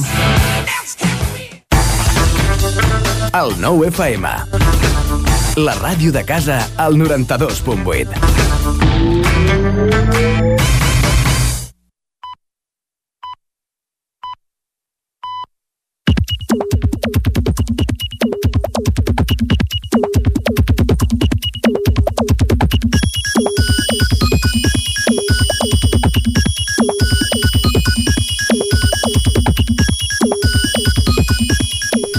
Quan són dos quarts onze, arriba l'hora de fer una ullada al que ha estat dient la gent per Twitter aquestes últimes hores i, com sempre, aquest repàs ens el porta l'Isaac Moreno. Bon dia. I bona hora. Avui has trobat coses interessants? Algunes, com sempre. Doncs a veure, a veure quines són les més interessants del dia. Gemma Permanyer, una persona que sempre he conegut amb mascareta m'ha enviat un WhatsApp i a la foto de perfil hi surt sense mascareta. No concorda gens amb la imatge que el meu imaginari havia creat. És loco, eh? I realment passa, eh? I de fet té respostes en la mateixa línia. Mm -hmm. Això vol dir que aquesta persona fa un any que la coneix, a tot estirar. Sí, de fet ja ho diu. És una persona que sempre he conegut amb mascareta. Vull dir que sí, sí. Curiós. Carles Benús, alcalde de Tavernoles. Està clar que un cop has instal·lat plaques fotovoltaiques a casa, el següent pas és canviar el tallagespes tradicional per un d'elèctric i sobretot fer feina a les hores de sol. I aquí comparteix la foto i el rendiment d'aquest nou aparell. Doncs esperem que li funcioni bé. Uh -huh. Ahir s'anunciava el comiat de Motxa Barceló, històrica jugadora del Club Patí Voltregà, que penjarà els patins al final d'aquesta temporada. Aquest cap de setmana juga l'últim partit a casa de la fase regular i diverses jugadores han piulat. Laura Barcons, quan algun parla de sentiment, orgull i passió pel Voltregà, a mi em ve al cap la Motxa Barceló, o per exemple Anna Romero, que ja va passar per, per això d'acomiadar-se. N'hem viscut de tots colors, l'únic és que ara els recordem tots amb un somriure, i això de somriure ho diu en majúscules. Afortunada d'haver pogut estar i gaudir de tu tants anys. L'hoquei et trobarà a faltar. Gràcies, Motxa. En fi, segur que n'hi ha d'altres i els sentiments doncs, es aniran reproduint durant aquests dies i sobretot dissabte en aquest partit que emetrà el nou TV en directe en el derbi contra el Manlleu i que serà el comiat a casa en, en principi de, de Montse Barceló i també de, de la portera de Teresa Bernades. Doncs eh, dues jugadores que han estat referents eh, en aquest històric eh, club d'hoquei eh, tan masculí, en els seus eh, millors anys doncs, de, de palmarès, com ara també en la categoria femenina, que és on s'han recollit grans resultats aquests últims temps. Exacte. Xavier Febrer, des de Torelló, diu Avui hem tingut el privilegi de, a part de veure-la tota a la gran pantalla, assistir a l'estrena del sisè i últim capítol de La llegenda del Falatell, un desenllaç al nivell d'aquesta obra d'art que ens hem currat els pes que llunes. Moltes felicitats a tanta gent que ho ha fet possible. Uh, cert, es va veure en primícia eh, per, la, per tot l'equip participant de, de la websèrie aquest sisè capítol, el desenllaç però no s'estrenarà fins diumenge quan es farà una projecció pública al Teatre Silvianum i llavors ja quedarà penjat uh, uh, al YouTube i a tots els canals on, on s'ha més i també s'emetrà, valgui la redundància per al, per al Nou TV en fi, una websèrie que, que s'ha fet aquest any que hi ha hagut Carnaval. Doncs hi haurà maneres de poder-la veure per tota aquella gent que estigui interessada. Josep Lluís Garcia diu Brots amb barrals, la, la teva marca de paraigües. Això ho deia ahir que no va ploure, però vaja, queda, queda, queda però dit. avui s'hi va al Ripollès, tot i que eh, el seu zonenc no es, no es pot sortir de la comarca, però al Ripollès ja ens ha dit en Pep Acosta que hi plourà. Molt bé. En Xavier Tornafoc, historiador, eh, es fa ressò d'un tuit de Working Class History, diu el 13 d'abril de 1980 va morir José Esther Borràs Va ser anarquista espanyol, va lluitar a la Guerra Civil Espanyola, va participar en la resistència a França, van detenir-lo i el van enviar al camp de concentració de Mauthausen, però va sobreviure a la guerra i es va mantenir actiu. I en Tornafoc, que diu Berguedà, anarquista i antifranquista. En Tornafoc que viu a Vic, però té, els orígens a, a Gironella. Hem llegit abans un tuit de la Permanent, en, en tenim un altre. Diu, a mi si em deixeu triar, eh, confineu-me per bisbats i no per vegueries. A Codines deixaríem de ser frontera i podríem córrer amunt. Formaríem part del bisbat de Vic, segons el mapa que comparteix ella, però vaja. Ara, aquest mapa és eh, difícil de que la gent el conegui. I acabem amb una piulada, una altra piulada d'en Garcia, d'en Josep Lluís Garcia, que comparteix el tuit del Cercle Carlemany, però una mica per reprovar-los. Cercle Carlemany es fixava amb el sense ficció d'ahir, que parlava de, dels assetjaments sexuals a, a l'Església. Diu, monges violades TV3 segueix amb el Panamate, el panametes circenses a tota la progressia. Aquests abusos són totalment condemnables i cal fer justícia, però aprofitar per atacar una institució és com, com és l'Església, és del tot infama i ruï. O és que potser s'ataca l'escola pública en els casos d'abusos de part de professors? S'ataca el món de l'esport en casos d'abusos per part de monitors esportius?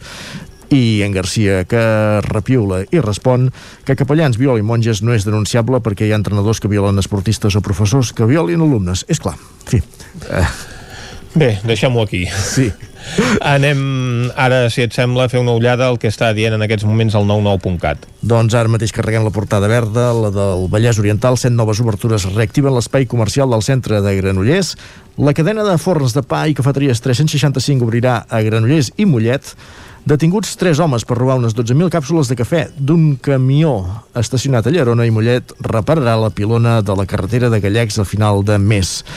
A la portada, a l'edició vermella, la d'Osona i el Ripollès, Osona va registrar el 2020 un 27% menys d'accidents laborals. Núria, a través dels ponts, una de les cròniques que hi podem llegir amb, amb imatges històriques, el colesterol a Osona a la baixa durant les darreres dues dècades i Osona se suma a la querella de Gonzalo Boye contra la jutgessa Tardón.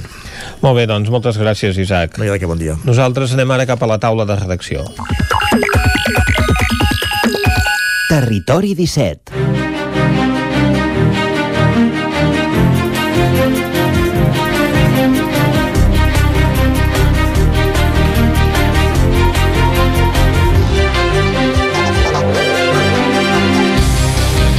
Ens acompanyen a la taula de redacció d'avui la Dolors Alta-Riba i en Víctor Palomar.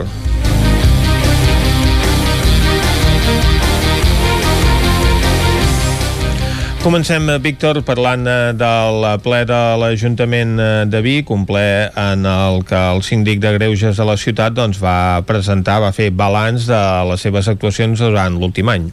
Doncs sí, va ser un ple llarguet, van durar unes 3 hores i el síndic municipal de Greuges, Joan Sala, doncs, va presentar la memòria, una memòria amb que malgrat que durant l'any passat l'oficina d'atenció del síndic només va estar oberta 8 mesos eh, per culpa de la pandèmia, pandèmia van augmentar el nombre de, de queixes eh, concretament en va rebre 101 queixes i eh, els principals temes eh, que, que, que eren aquestes queixes eh, hi havia la majoria eren mobilitat urbana mobilitat i urbanisme, perdó eh, també convivència i seguretat i benestar social, habitatge i família eren els eh, principals eh, temes que, que es denunciava. Des del síndic va demanar doncs això des d'un esforç per l'administració per ser més empàtics amb les queixes dels ciutadans, que a vegades doncs, no sempre passa, les respostes acostumen a ser fredes i molt tècniques, les respostes que donen eh, des de l'administració amb els ciutadans,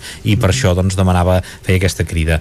Eh, des de l'equip de govern, l'alcaldessa doncs, va agrair la feina que està fent el síndic, que, que es va instaurar aquest aquesta figura en el mandat eh, passat amb un acord amb Arnau Martí eh, era un dels acords amb, amb, amb Vic per Tots i després doncs, també l'alcaldessa va, va dir doncs, que l'objectiu seria que hi haguessin zero queixes que rebés el síndic de Greuges però que això és molt difícil i també va contextualitzar que aquests eh, 113 casos que ha rebut el síndic de Greuges eh, són una minoria en els 114.000 que rep l'any l'Ajuntament de Vic.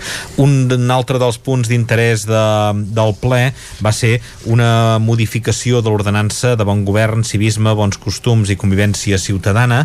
Eh, L'objectiu era eh, treballar per, per reciclar, per poder aprofitar més les deixalles i des d'Esquerra i Capgirem Vic doncs, van criticar eh, una reforma d'aquesta ordenança que sanciona emportar-se objectes o residus dipositats en els contenidors de deixalles de, dels carrers.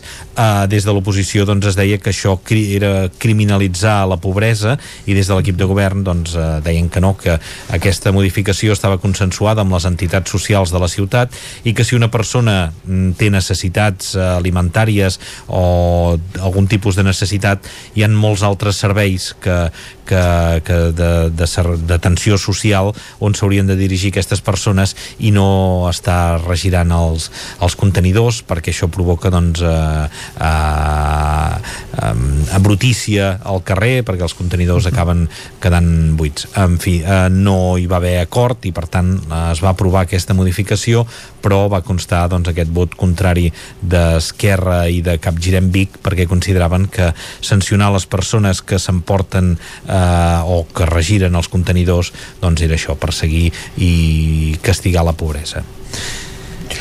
Molt bé, Víctor, doncs eh, aquest és el resum d'aquesta última sessió del ple de l'Ajuntament de Vic. Moltes gràcies per acompanyar-nos. I nosaltres ara anem a parlar amb la Dolors Altarriba i amb la Dolors Altarriba parlarem també de temes que tenen a veure amb les conseqüències d'aquesta pandèmia i és que els accidents laborals han caigut, Dolors. Sí, bé, han caigut, han baixat, sí. Han baixat mm -hmm. respecte a l'any 2019. Eh, a Osona se'n van registrar un 27% menys eh, i el Ripollès un 9,4% menys. Eh, esclar, tenint en compte que vam, que vam estar doncs, uns mesos a causa de la pandèmia que es Confinats, va aturar tot, doncs, eh, diguem-ne, segurament eh, s'hauria de, no, d'extrapolar poder aquests mesos i veure si realment eren, eren una mica més o una mica menys. El, uh Mhm. -huh. De tota manera, eh, en el cas d'Osona, eh, d'accidents mortals eh, d'Osona i el Ripollès, vaja, n'hi va haver tres, val? dos a Osona, que són els, eh, els dos treballadors de l'Eport Gourmet que, que van morir eh, arrossegats pel riu Exacte, quan no, tornaven en bicicleta del seu lloc de treball, per tant era un d'aquests accidents laborals itinere, diguem-ne. Es considera un accident laboral tot i que no es va produir en el lloc de treball. Exacte, no va ser en el lloc de treball, sinó és que va ser doncs, anant, eh, o a vegades passa anant o Tor- tornant. no? tornant En aquest cas era tornant de treballar i si us recordem, doncs, eh, eh, un d'ells eh, sí que se- se'l va trobar mort de seguida i l'altre Mhm. va tardar encara i fins al juliol no es van trobar les restes eh, perquè va, quedar, va estar arrossegat per, per el riu. No?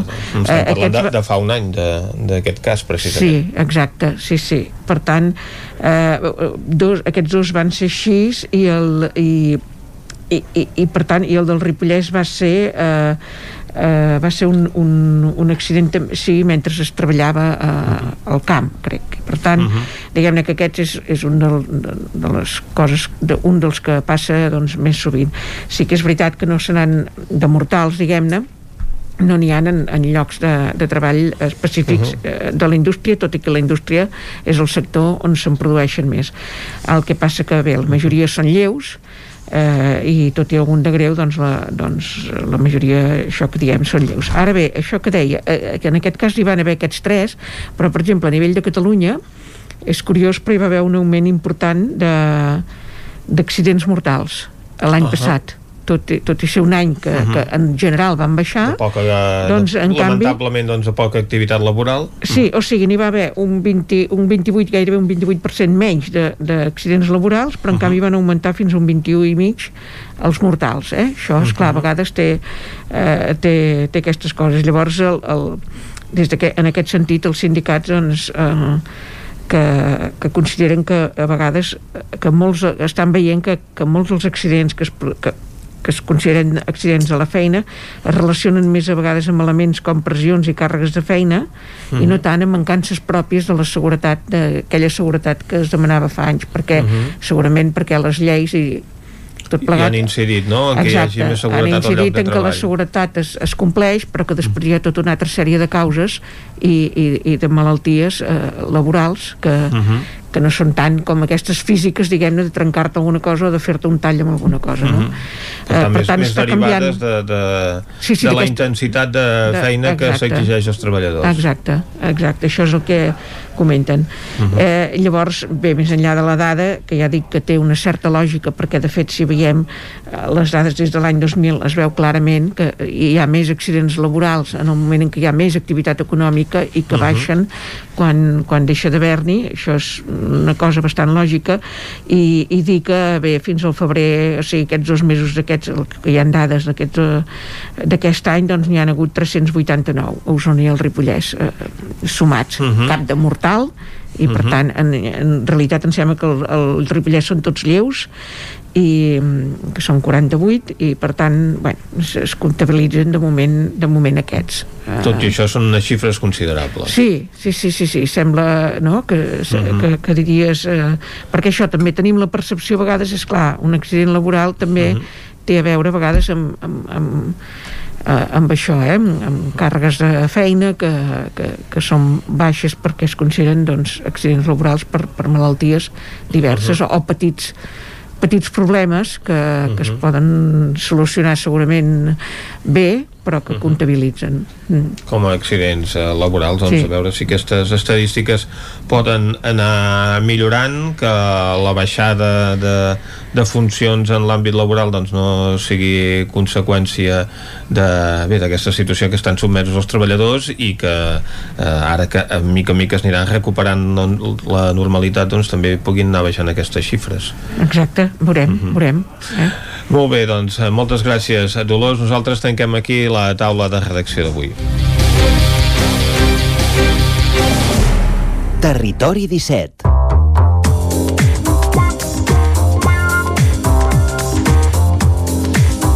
I quan passa mig minutet de tres quarts d'onze del matí, deixem enrere la taula de redacció i parlem de literatura. Com sempre ho fem els dimecres, a Lletra Ferits. Avui, Vicenç, cap on anirem? Doncs mira, avui anirem al Mas El Lletrer que és una masia situada a les Llosses al Ripollès de caràcter familiar que elabora productes làctics de la llet de les vaques que cuiden des de l'any 1992. Acabem de parlar d'economia i sembla que continuem parlant d'economia. Des de l'any 2014 també ofereixen carn de vedella, porc i cabrits criats a la masia. I us preguntareu per què parlem de ramaderia en una secció de literatura? Doncs bé, per la recent publicació dels contes Cuidem les gallines i neix un vedell sobre les tradicionals, els tra tradicionals personatges d'en Pau i la Laia, d'Eumo Editorial i Abacus, que van organitzar el passat mes de març l'acte familiar En Pau i la Laia aprenen paraules del món de pagès.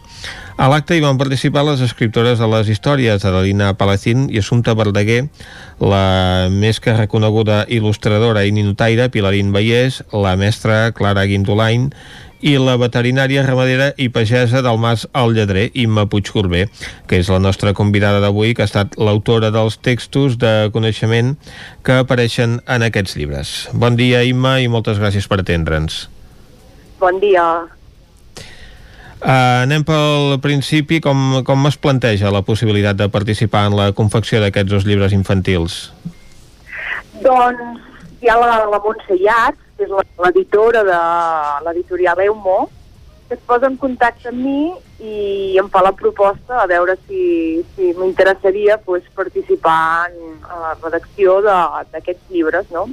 I bueno, la resposta va ser immediata i amb un sí rotund, no? Uh -huh. Bon dia, Imma. Uh, quina ha estat la teva aportació al llibre? Perquè no sé quina feina has fet exactament. No sé si, si t'ha portat molt de temps dedicar-hi, a més a més amb una feina que has de compaginar com és uh, la feina al Mas al Lledrer. Uh, sí, bueno, la meva aportació al llibre va ser...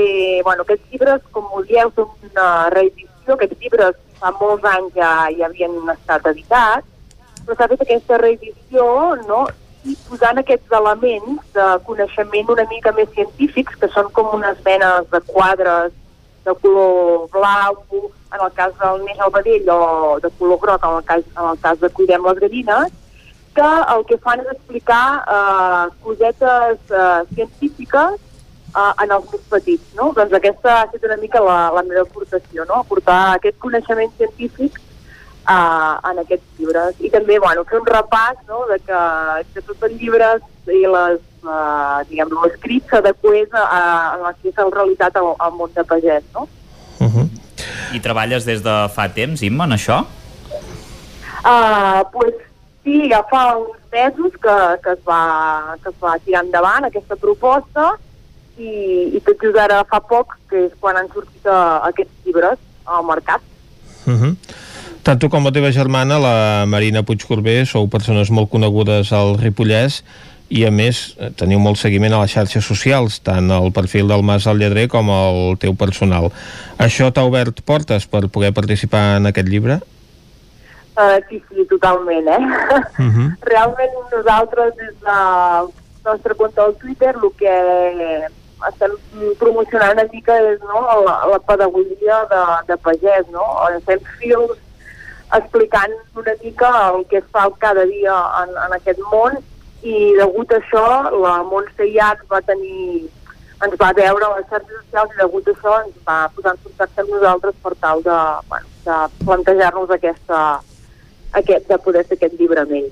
Uh -huh. Ser veterinària coneixes molt el món animal, però en el cas del llibre que parla d'un vedell en deu ser tot una experta, no? Com, com expliques el naixement d'un vedell? No sé si hi ha alguna curiositat del llibre també que ens puguis explicar.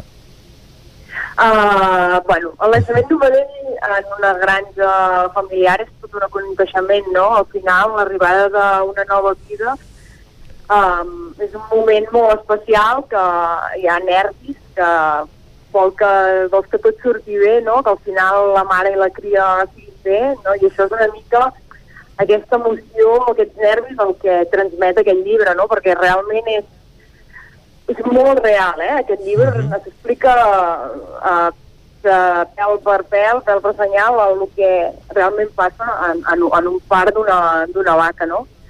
curiositats aquí, ostres, pues, la veritat és que moltes, ja, ja us dic, aquests quadres que, que he redactat, he intentat plasmar uh, cosetes que siguin curioses pels, pels nens, no? Des de quan pesa una vaca que una vaca no sap baixar escales. Mm -hmm. Parles de, de que es viuen situacions de nervis eh, en el moment doncs, d'un doncs, part, fins i tot pels que sou professionals en, en aquesta matèria, no? Sí, sí, totalment, eh? Vull dir, um, el temps que, i les accions que es fan durant, durant el moment del part no? són, molt, molt importants perquè al final tot, tot acabi sortint bé, no? Petits errors poden acabar bastant malament. I amb les gallines no sé si també hi ha algunes curiositats. Ara ens explicaves el, el tema de les vaques, no? que, que comentaves, eh? això de quan pesa una vaca, que això que ens has explicat que les vaques no saben baixar eh, escales, que potser és una cosa que eh, a primer cop d'ull pot, pot sobtar. Eh, no sé si també hi ha curiositats amb, amb les gallines. Doncs sí, també hi ha moltes curiositats. Eh, crec que el que, el que he intentat és plasmar aquesta part científica no, en aquests llibres per canalla, però que els despertessin molt aquesta curiositat, no? Pues explica des de quants ous eh, pot ser una gallina, de quins colors poden ser, quantes races en el món hi podem trobar, no? Coses d'aquestes que segurament els hi quedaran a, a la ment del, dels més petits, no? Perquè són coses que són realment pues, curioses, no? Mm -hmm. Ara que ja heu començat amb aquests dos animals, amb el vedell i també amb la gallina, no sé si us esteu uh, plantejant continuar amb algun altre animal, no sé si t'ho han demanat, si t'ho han plantejat, que si tu hi també t'agradaria. Uh, sí, bueno, quan es va fer aquesta presentació de la que parlàveu al principi, no, es va preguntar als nens assistents no, si els agradaria no, que, que, que això, aquests llibres continuessin, no? I realment sí, hi ha, hi ha aquesta il·lusió de poder fer més llibres del Pau i la Laia relacionats a, amb el món animal. I mm -hmm. si tot va bé, continuarem amb, la, amb les col·laboracions. Ja saps quin serà el pròxim animal? Pot, es pot revelar o encara n'esteu parlant? Doncs no se sap, no se sap. Està una mica la cosa que estan, diguem que els nens estan fent votacions perquè ens posem molt a la seva pell, no?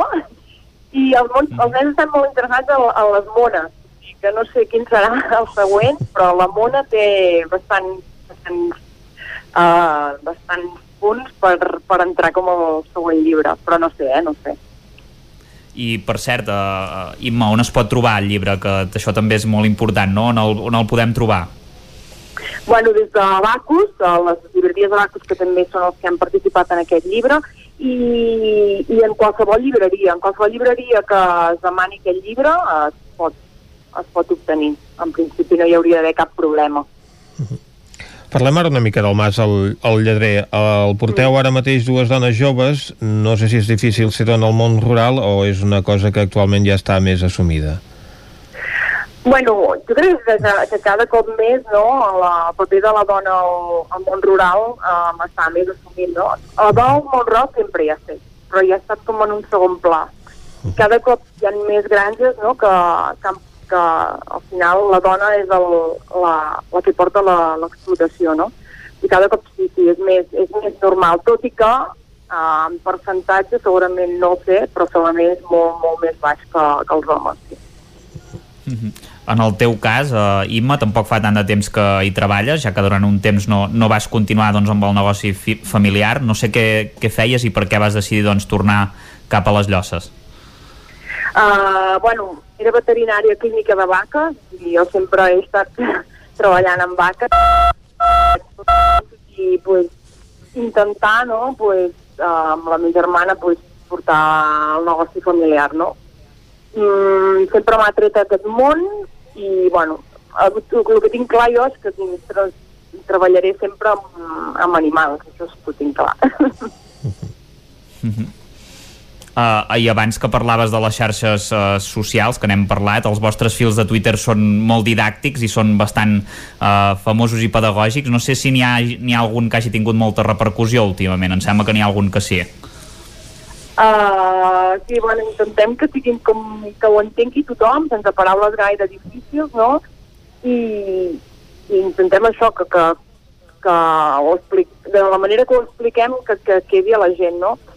Sí, que n'hi ha algun paris que han tingut bastanta repercussió. Mira, per exemple, parlant ara de parts, no? n'hi va haver un d'un part uh, d'una vaca que es diu Màscara i bueno, que hi surt el vídeo del part i bueno, la gent no sé si li va colpir molt no? en, aquell, en aquell, aquell fil, però bueno, n'hi ha molts altres des de que parlem també de la pagesia i, el, i dones que també han tingut bastanta repercussió. Uh -huh. I com us heu adaptat a la pandèmia? Ha canviat molt el, el dia a dia a la feina? No sé si hi ha més mesures sanitàries ara que no pas les que s'emprenien abans. Com, com ha canviat el vostre dia a dia? Sí, bueno, ha canviat molt, no? Nosaltres sempre diem que nosaltres el 70% de la nostra facturació era per restauració. Un cop hi va haver el confinament que van tancar els restaurants, ens haver de readaptar totalment, no? I ara fem bastanta venda online, per això també promocionem molt el que fem i com ho deixem de fer a través del Twitter i aquests fils pedagògics, no? I sí que ha canviat el nostre dia a dia, no? Al final hi ha més mesures sanitàries, um, sobretot entre els treballadors, que per nosaltres som, és uh, família, que treballem aquí a la granja, però també tenim dos treballadors externs. bueno, com a tot arreu, no? Suposo que al final has de tenir aquestes mesures sanitàries i extremar-les, no? I a més a més nosaltres que fem producte uh, làctics i carn, que són productes alimentaris, doncs encara més, no?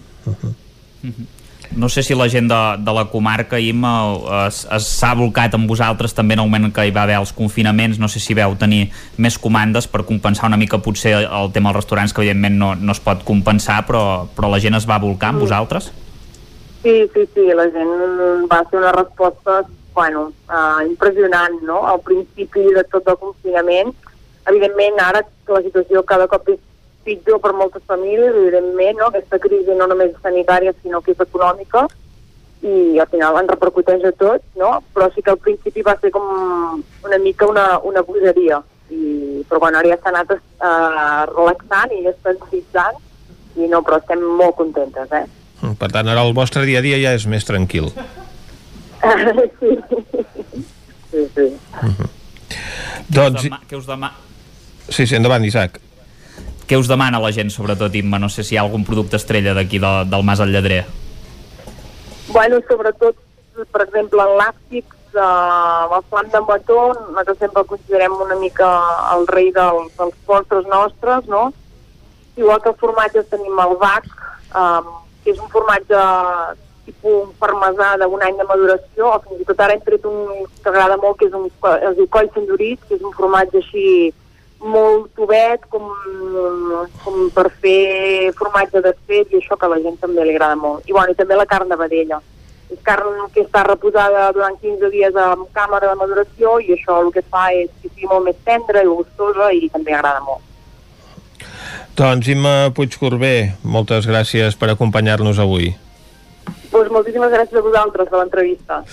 La Imma és veterinària i responsable del Mas al Lledrer de les Llosses i és una de les coautores d'aquest nou llibre d'en Pau i la Laia, titulat En Pau i la Laia aprenen paraules del món de pagès, editat per Eumo Editorial i que compta doncs, amb les il·lustracions de Pilarín Vallès. Avui amb ella hem, ens hem acostat a això, al món de pagès en aquesta població del Ripollès, en aquesta població rural on eh, hi ha aquesta masia que elabora diferents productes agroalimentaris. Amb ella i amb eh, l'Isaac Muntades des de la veu de Sant Joan hem conduït aquest Lletra Ferits d'aquest dimecres. Ara nosaltres el que tornem a fer és recuperar l'actualitat de les nostres comarques. Correcte, ens acostem cap a les 11 i a les 11 tornarà de nou la informació de casa nostra de les comarques del Ripollès, Osona, el Moianès i el Vallès Oriental.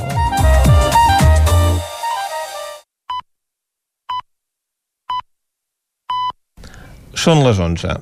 Territori 17, amb Vicenç Vigues i Jordi Sunyer.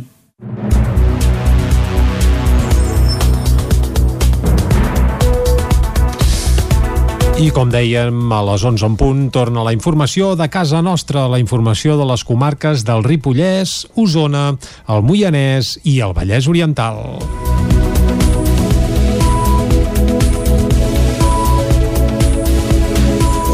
Al Ripollès hi ha 3 classes i 80 persones confinades que s'acumulen a Camprodon. Isaac Muntades, des de la veu de Sant Joan. Camprodon és l'epicentre de la Covid-19 pel que fa als casos positius en centres escolars del Ripollès. Actualment, segons les dades del portal Traça Covid del Departament d'Educació de la Generalitat de Catalunya, a la comarca hi ha 3 classes confinades i 80 persones aïllades a casa seva, totes del municipi Camprodoní. El centre més afectat és l'Institut Germans Vilarriera, que té una classe de quart d'ESO confinada amb 44 alumnes i que ha registrat el positiu de 3 nois en els darrers 10 dies. D'altra banda, a l'escola Doctor Robert hi ha dues classes aïllades amb 34 alumnes i dos docents a casa, després que es notifiquessin tres positius d'estudiants del centre. Cal recordar que abans de les vacances de Setmana Santa, a Camprodon ja hi havia un brot força evident als centres educatius, ja que van arribar a tenir 94 persones confinades de quatre aules diferents entre els dos centres. A més, s'hi havien arribat a detectar fins a 14 casos positius en pocs dies. A la resta de la comarca la situació frega la normalitat, però hi ha quatre centres escolars que han detectat almenys un cas positiu en els darrers 10 dies. En el cas del Centre de Formació d'Adults del Ripollès de Ripoll, l'Institut Escola de Ribes de Freser i l'Escola Badruna de Ripoll, hi hauria un alumne positiu, mentre que pel que fa als salesians de Ripoll, la persona confinada seria un docent.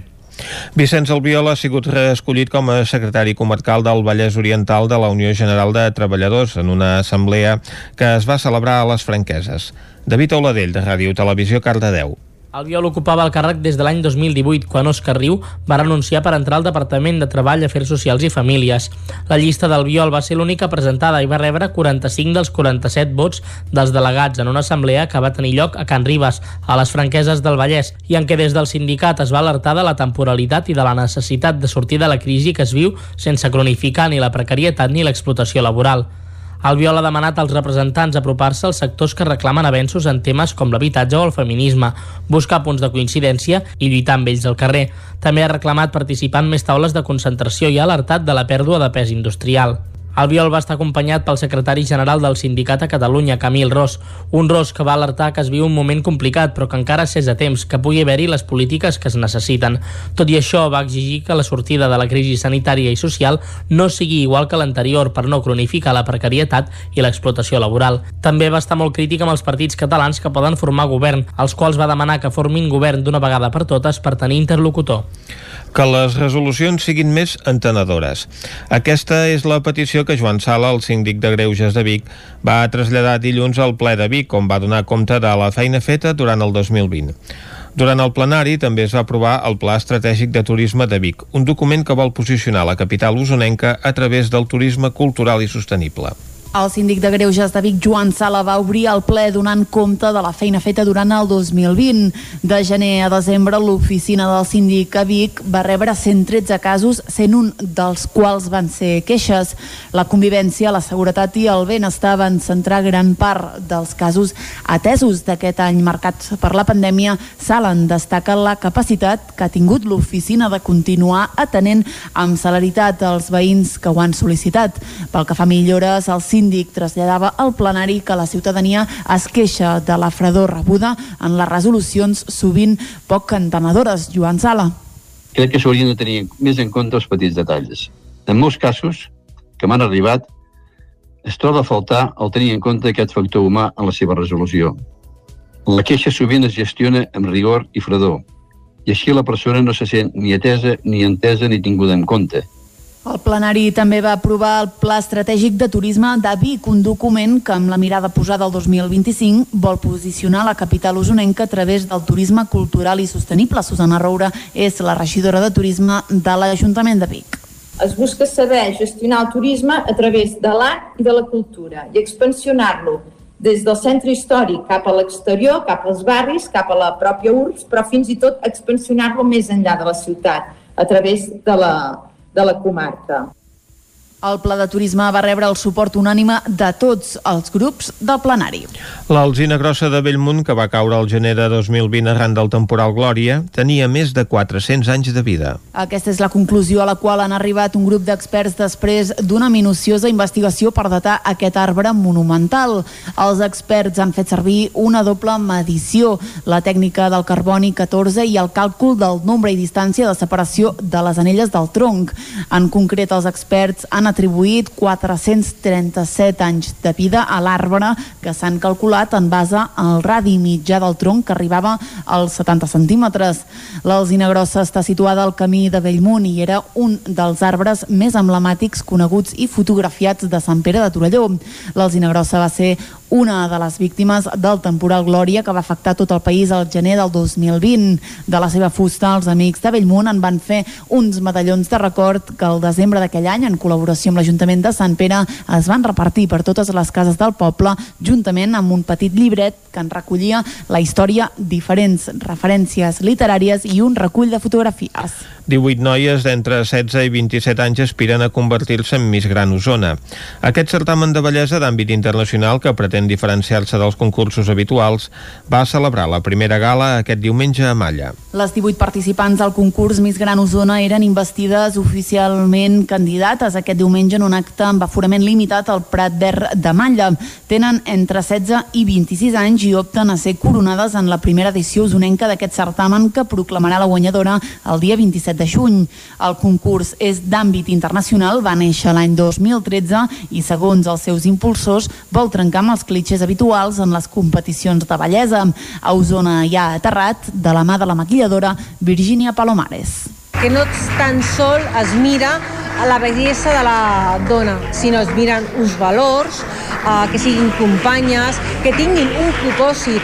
Totes les nostres candidates fan un, un projecte social i la que sigui Miss Gran Osona 2021 l'ha de realitzar. Per seleccionar les candidates es va fer un càsting previ. L'única condició física que es demanava era superar el metre 60 d'alçada. Durant el període del concurs, les candidates reben formació en estilisme, protocol, passarel·la, escenografia o control de les xarxes socials. Sentim a tres de les candidates finalistes. Són, per aquest ordre, Deyanira Pinos, Jennifer Arroyo i Anaïs Riera. I jo no em veia de fer Miss, saps? No, no em veia i li vaig dir que no.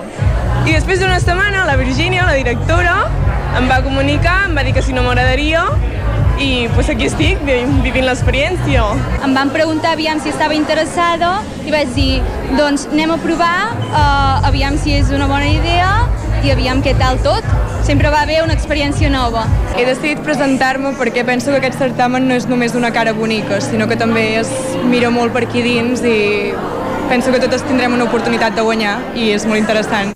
El concurs més gran ja es fa en altres comarques catalanes. Les guanyadores dels diferents àmbits comarcals competeixen després per ser escollides Miss Gran Catalunya. En cas de guanyar accedeixen a Miss Gran Espanya i l'últim graó és Miss Gran Internacional.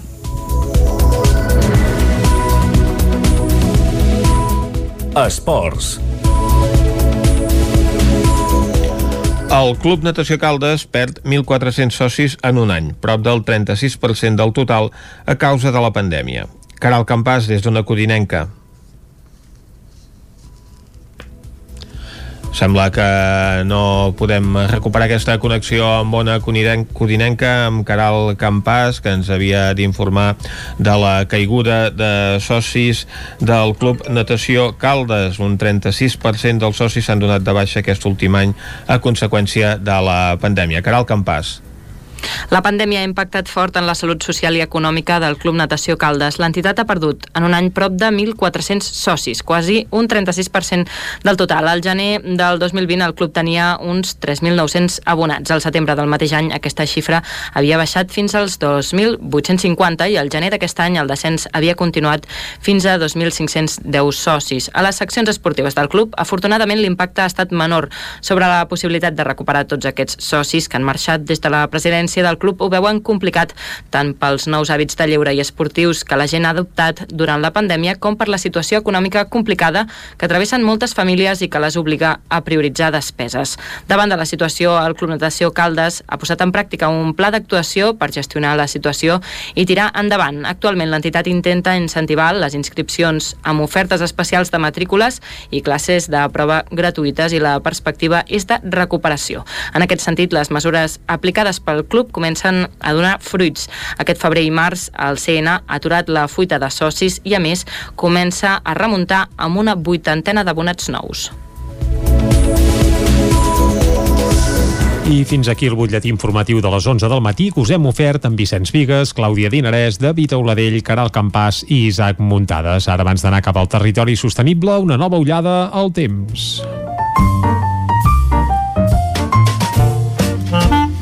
Casa Terradellos us ofereix el temps. Pep Acosta, bon dia altre cop. Hola, molt bon dia. Molt bona hora. Ara ens hem llevat amb bastants núvols uh -huh. i de cara a la tarda tenim novetats. Tenim novetats perquè hi ha més aire fred uh -huh. i ja a partir del migdia, 12, 1, 2, creixeran nuvolades a les zones de muntanya. Les nuvolades seran importants aquesta tarda, aniran a més. I jo crec que a les 3, 4 començaran a descarregar les primeres precipitacions. Pirineu i Prepirineu. Sobretot serra transversal i Ripollès és on plourà. Localment en forma tempesta i acumularan quantitats bastant minces. Mm, jo crec que no superarem els 10 litres en cap cas, però localment aquestes tempestes ja se sap que són una mica més importants i podran superar aquests 10 litres acostar-se als 15 com a molt. Les temperatures màximes molt semblants a les d'ahir, totes entre els 15, 18, 19 graus a tot estirar.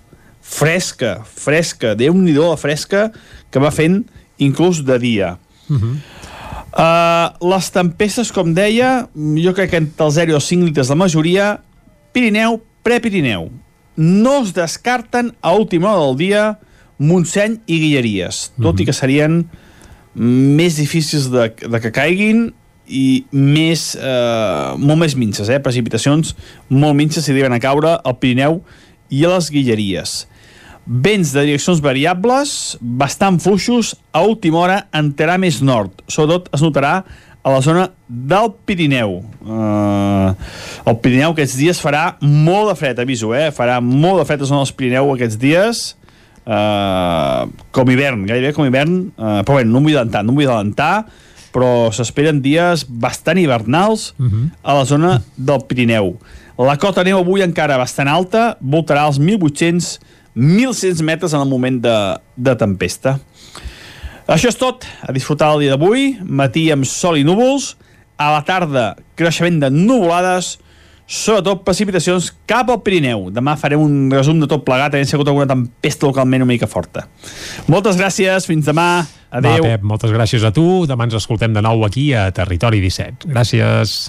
Casa Tarradellas us ha ofert aquest espai.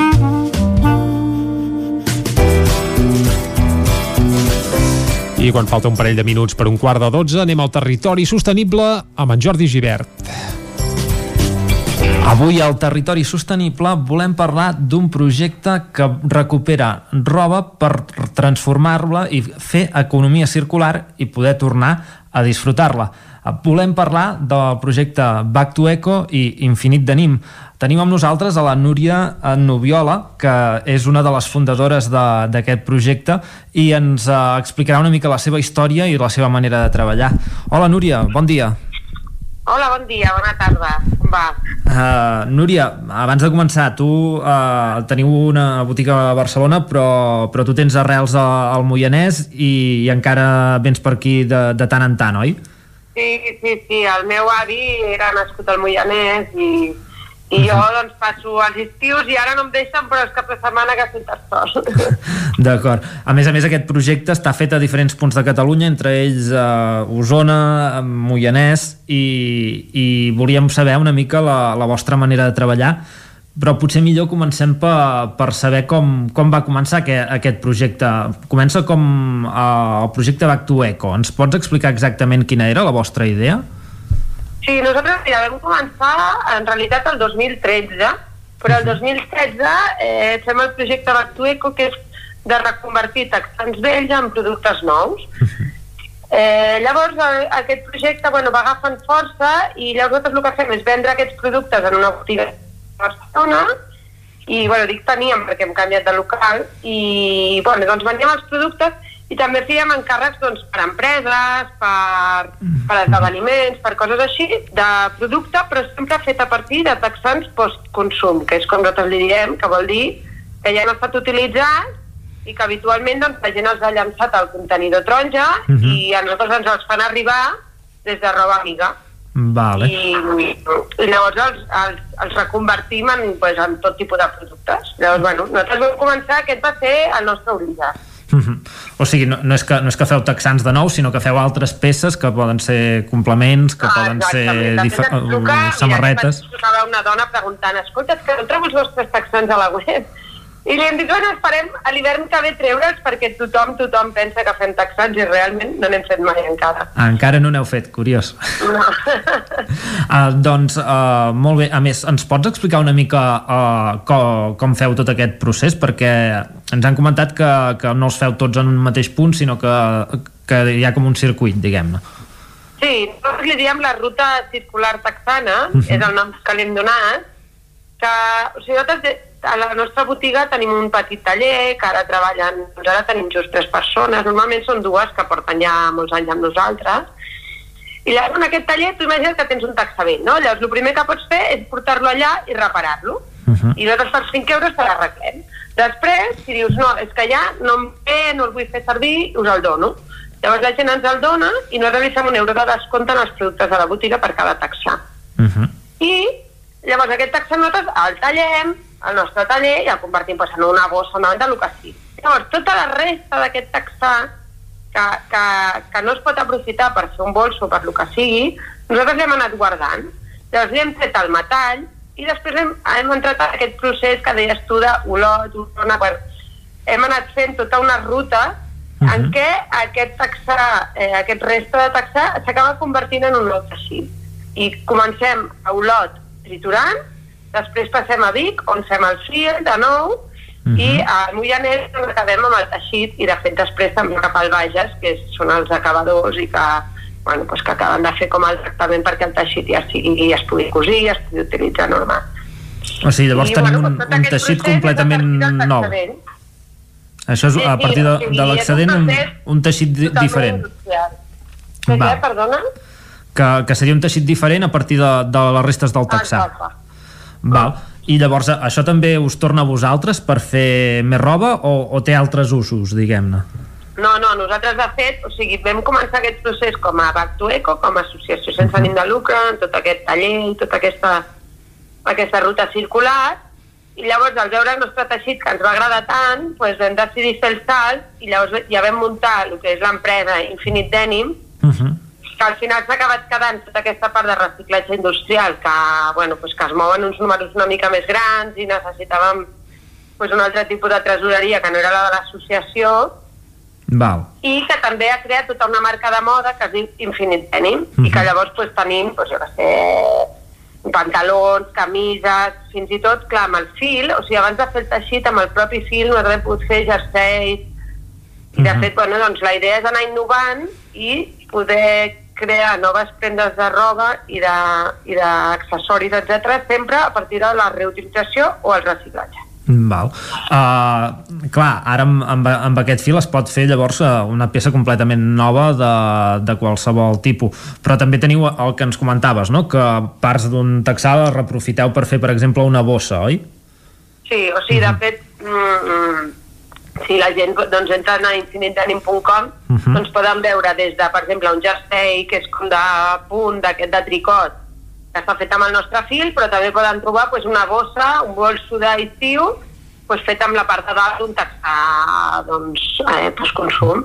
I de fet ara, mira, aquesta setmana estem com boges perquè pel Dia de la Terra eh, llancem tota una, bueno, una col·lecció de, de roba, tota, tota feta a partir de reutilització de texans i bueno, ho estem fent amb una col·laboració amb l'Evis que ens donaran pues, tots els texans que ells no, no els poden vendre perquè tenen alguna tara i texans de recollida de segona mà també de les seves botigues i tal Bueno, això ho estic dient com una estrena que encara no, no hem dit. Eh? Carai, és, és una primícia per És el nosaltres. primer, és el primer que ho dic perquè és, és com, bueno, pues és una cosa que encara no ho hem comunicat, però bueno, doncs estem fent tot una tot un llançament doncs, de roba de, feta tot a partir de texans però que pues, imagina't uns xors una faldilla, un vestit bueno, Sí, com- estem fent molta, molta roba. És molt versàtil el, texà, diguéssim, amb, amb parts de texà pots arribar a fer uh, molta, A veure, mo, mo, sí, molts conjunts sí, no, o... sí, no, no, o sigui, no, no, no, no, no, no es pot fer tot i té una complexitat. El que passa que és veritat que nosaltres portem molts anys, eh, ja sabem quines mides podem fer i quines no, ja fem els patrons ja comptant en què estarà fet amb el denim, que és un material doncs, que a vegades és una mica pues està fet com per fer pantalons, no? És gruixut. Tu imagina't el típic pantaló de Levis és per gent de... El Levis es va fer per la obra, no? Per gent que treballava. Llavors, per exemple, imagina't, si fem un vestit ja fem que sigui una mica ampla la màniga perquè no vagi molt apretat a sota la aixella, bueno, ja pensem en dissenys que, que, que puguin encaixar amb aquest tipus de, de teixit, no? Doncs perquè portem molt de temps i ja ho coneixem molt bé, ens hem trobat tots, tots els problemes que Sí. sí. va trobar algú i bueno, segurament que encara ens en trobarem més, eh? però, però bueno, Però- que, que portem molts anys només amb aquest material, ha sigut com una... Bueno, doncs ens hem especialitzat en això. I tots, tot, eh, tots els productes que feu són uh, amb el material 100% reutilitzat, diguem-ne? Són, són texà o el fil aquest que, que surt també del, reu, el fil de reutilització? Un, el que, sí, el fil és un 60% reciclat Mhm. i l'altre percentatge, el 40% restant, són, són fibres vegetals que provenen de boscos de cultiu ecològic. Val. Llavors, bueno, nosaltres diem que és un fil ecoreciclat, no? És una, una combinació dels dos. I, i amb, a l'hora de- d'elaborar aquest teixit queda algun sobrant o, o, o s'aprofita tot? O sigui, hi ha alguna cosa que, que se'n va a, a les no, escombraries? No, no, no, no, s'aprofita, s'aprofita, s'aprofita tot. O sigui que l'objectiu de, de que sigui una economia circular l'heu assolit, diguem-ne. Sí, sí, sí, sí, o sigui, en aquest sentit molt. Eh, el que sí que és veritat que després nosaltres hem fet tanta producció de, de nosaltres diríem l'upcycling, no? L'upcycling és com el reciclatge que vas a, a millorar el producte, no? Eh, nosaltres hem fet eh, eh, produccions molt grans de, amb texans vells, com si diguéssim, que no hem pogut absorbir tot el residu per convertir-lo en fil perquè, perquè imagina't, doncs, hem tingut comandes, o sigui, més enllà de vendre el nostre producte, el nostre taller, que ara li diem el taller Back to Eco, doncs imagina't que potser ens encarreguen 800 motxilles de taxar per un esdeveniment de no sé què. Llavors, en aquests casos, hem anat generant molt residu i nosaltres, clar, cada cop que fas fil i fas teixit i tot això, eh, té uns costos grans, perquè vas a indústria, llavors ho hem anat fent amb la mesura que hem pogut econòmicament. Llavors, quan no ho podem assumir tot el residu nostre, eh, l'enviem a, a Solidança, que és una, pa- mm, una part de roba amiga, i amb qui tenim l'acord que ens envia taxants i nosaltres, quan no podem assumir nostres residus, els enviem a elles. Val. I, i elles l'entren pues, en el circuit de, de, de reciclatge tèxtil seu. Mm -hmm. Amb la pandèmia també hem vist que molta gent ha, ha tornat a apostar per productes de, de proximitat. Normalment, clar, parlem molt, molt en aquest sentit amb el sector alimentari. No sé si vosaltres en el sector de, de la roba, de la moda, també, també us hi heu trobat o, o ha estat una situació diferent? Mm, mira, jo crec que és un món que està canviant molt. Mira, i ara t'explicaré una cosa perquè, bueno, si algú avui entra a la web, doncs enfada molta gent perquè la web està en castellà i en anglès. I llavors ens diuen, no, no, ho feu tot aquí, i no esteu en català. I jo dic, si teniu tota la raó, nosaltres quan vam començar el projecte, de fet, estava en català i en castellà només. I ens trobàvem que tothom que ens comprava online no hi havia ningú que fos català, tothom era de fora, no? de, de, de, de fora de Catalunya, i ens feia la sensació, tothom que venia de Catalunya ens venien a comprar a la botiga. I clar, per nosaltres era molta feina crear el doble de contingut en els dos idiomes, bueno.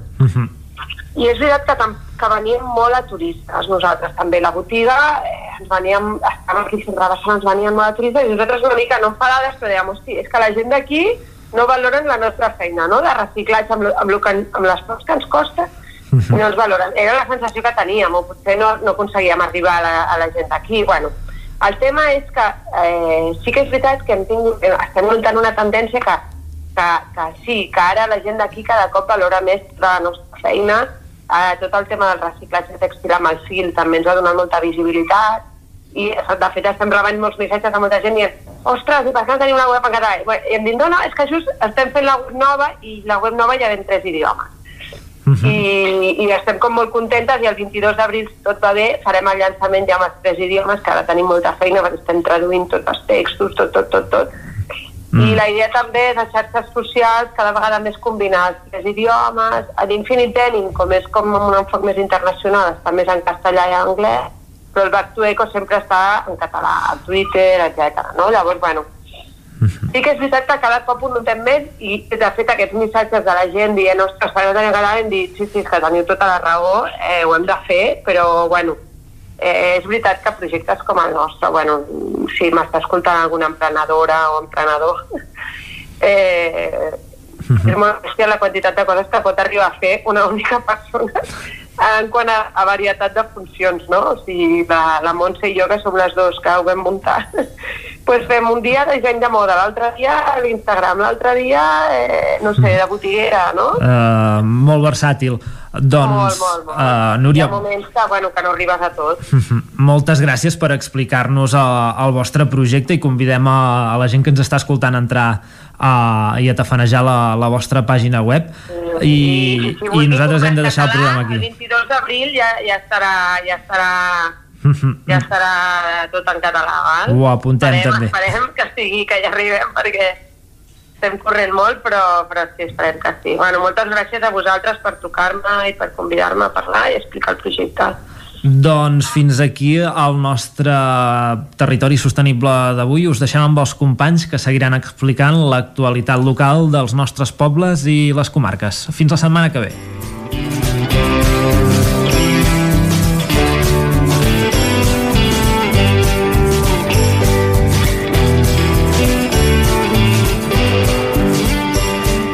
Territori 17. Doncs moltes gràcies a en Jordi Givert, que com cada dimecres ens ha costat alguna nova realitat i algun nou projecte aquí al Territori Sostenible. Ara, Vicenç, fem una petita pausa. Fem-la. Doncs va, fem una petita pausa, tornem a dos quarts en punt. Avui, anant d'excursió, aviam si saps on. Ja ho hem dit abans, eh?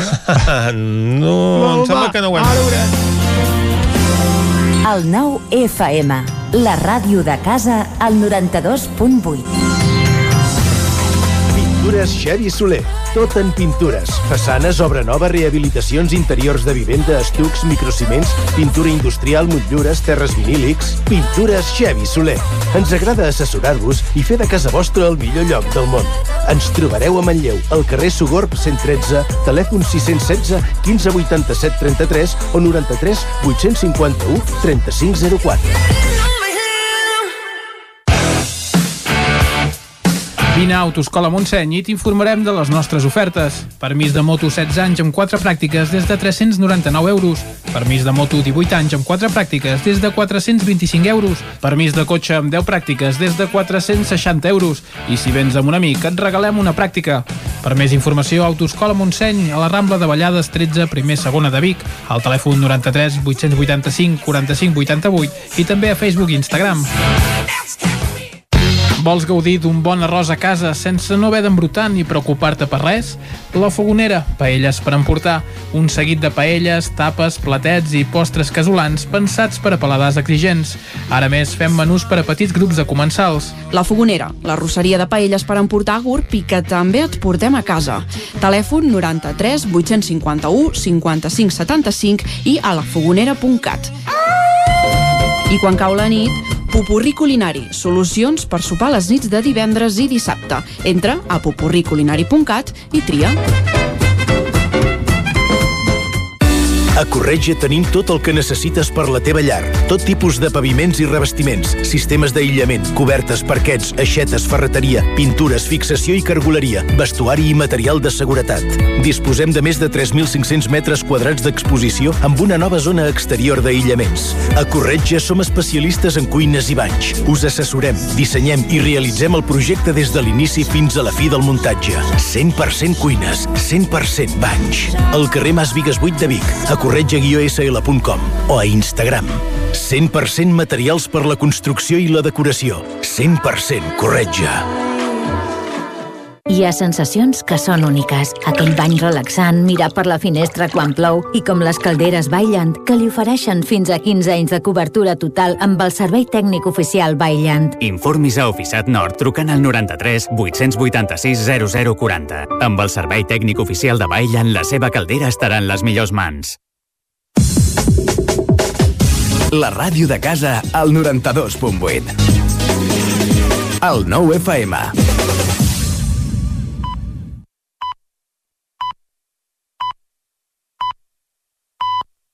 Territori 17. Ah, doncs va, hem marxat al tall de Publi, allò fent una mica de- d'endevinalles, eh? Aviam si descobrim on anem avui a l'habitual secció del Descobrint Catalunya. Jo alertava que és un lloc molt conegut perquè pràcticament Mhm. hi anem cada dia, eh? Si més no, virtualment, a través de la ràdio. Informativament hi anem cada dia. Uh, ja saps on anem? Em sembla que sí. Val, és que em sembla que a dos de 10 uh, crec que ja ho hem avançat. Doncs... No és cap secret, per tant, no. dic avui el Descobrint Catalunya se'n va cap a la capital del Ripollès, que és... Ripoll. Anem-hi.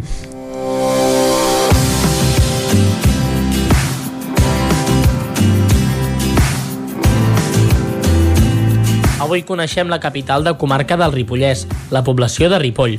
La vila es concentra al voltant de dos rius principals, el Freser i el Ter, que són els que drenen el terme i on van a parar diversos cursos d'aigua. Tot plegat fa que el territori sigui una zona rica en aigües. Ripoll, per la seva situació estratègica de cruïlla de camins i per la seva prematura activitat industrial i empresarial, ha estat sempre i al llarg de la història una vila receptiva de persones procedents d'altres contrades i d'altres cultures. Els primers testimonis de presència humana a Ripoll daten de l'edat de bronze, quan sabem que un petit nucli humà de població vivia a prop dels rius Ter i Freser i a les muntanyes que donen personalitat a aquest indret. La troballa de destrals de bronze i algun dolmen així ho evidencia. Visitar Santa Maria de Ripoll és acostar-se a un dels edificis més vells i abocadors de Catalunya. La portalada, la basílica, el claustre en fan un conjunt únic, un gaudí pels amants de l'art. Però Ripoll transcendeix més enllà de les pedres. El comte Guifré el Pilós, l'abat Oliva, els comtes Ramon Berenguer III i IV o el bisbe Josep Morgades són personatges capdals de la nació i l'Església catalana, íntimament relacionats amb el monestir. La parròquia de Santa Maria de Ripoll és la successora de la comunitat monàstica que durant segles va celebrar i difondre la fe en aquest mateix indret i malda també perquè la casa de Santa Maria continuï complint aquesta finalitat. En el si d'una comunitat benedictina dedicada a l'oració i al treball hi havia la biblioteca i l'escriptori, espais que sovint es trobaven a la mateixa estança i on amb un silenci absolut s'hi desenvolupava una de les tasques més laborioses que es duien a terme a l'interior del cenobi, la còpia de manuscrits. Estem parlant de l'escriptòrium de Santa Maria de Ripoll, que va deixar un vell llegat de manuscrits dels segles X, XI i XII, dels més rellevants d'Europa a nivell paleogràfic, textual i artístic. La Farga Palau de Ripoll va ser fundada com a farga de ferro del segle XVII i va mantenir la seva activitat durant cinc segles fins que va tancar l'any 1978. Es troba dins d'un edifici de pisos que servien i serveixen d'habitatges. La planta baixa l'ocupa la farga, amb les trompes d'aigua, els martinets, la carbonera, el forn i la fornal. Separat de l'obrador troben la roda hidràulica, la sèquia i la bassa que servia per emmagatzemar l'aigua del riu Freser, fer moure la roda i generar el vent impulsat de manera contínua i que dona nom al mètode de la farga catalana. A més de ser l'única farga de Catalunya i potser d'Espanya que encara elaborava peces d'aram fins a la segona meitat del segle XX, la característica més singular de la farga Palau són els dos martinets instal·lats amb coixinets metàl·lics, mànec d'om i mall d'acer. Envoltats de muntanyes i a quatre passes del nucli urbà, els amants de la natura i la tranquil·litat trobaran rutes senyalitzades i petits racons naturals molt assequibles per totes les edats. Descobriran paratges increïbles amb unes vistes panoràmiques inoblidables.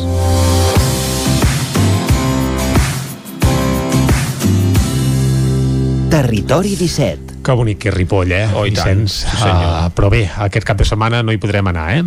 Al Els d'Osona no. Vaja, no sé que hi hagin canvis, eh? Però vaja, els del Ripollès, evidentment, poden fer cap a la seva capital, que segurament, a més a més, hi ha prou caliu i alguna activitat cultural i tot. Potser, Mhm. això ho descobrirem d'aquí una estona. Abans, però, hem d'anar a la R3. Anem-hi. Anem-hi, a la Trenc d'Alba. A Trenc d'Alba, edició pandèmia. Ara sense els usuaris que ens explicaven les seves desgràcies a la R3, però amb els mateixos retards i problemes de sempre.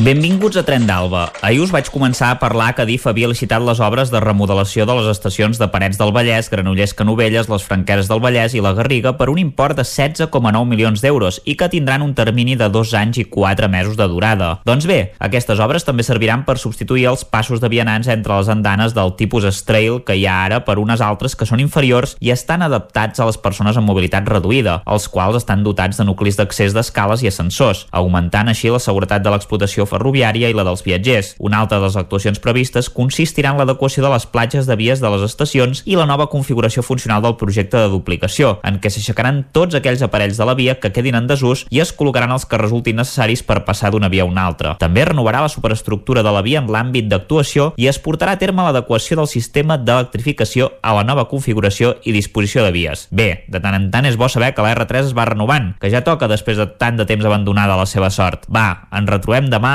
amb més històries del tren i de la R3. Territori 17. Tot això que diu l'Isaac, fins que no ho veiem, però no ens ho creurem, eh? Perquè Ara. a la R3 de promeses n'hi ha moltes, fins i tot projectades, escrites, anunciades, i després el més calent, a la Higuera. És a la Higuera, efectivament. Eh, N'estem eh, ja doncs, molt escarmentats de Mhm. promeses ferroviàries que llavors no es compleixen. Bé, el que sí que es complirà és l'agenda d'aquest cap de setmana, uh -huh. uh, l'agenda cultural, a teatres, auditoris, que repassarem tot seguit, recordant abans que estem en confinament comarcal, per tant, només podrem gaudir presencialment de les activitats que es facin a la nostra comarca. Ah, exactament, aquesta és la situació, però com que molts d'aquests actes doncs, ja estaven eh, programats per endavant, continuen eh, tirant endavant amb, el públic de la seva pròpia comarca a l'espera de si eh, s'aplica o no aquest eh, confinament per vegueries que sembla que estaria estudiant el govern de la Generalitat. Doncs va, que estudin. De moment nosaltres anem a repassar l'agenda cultural per aquest proper cap de setmana.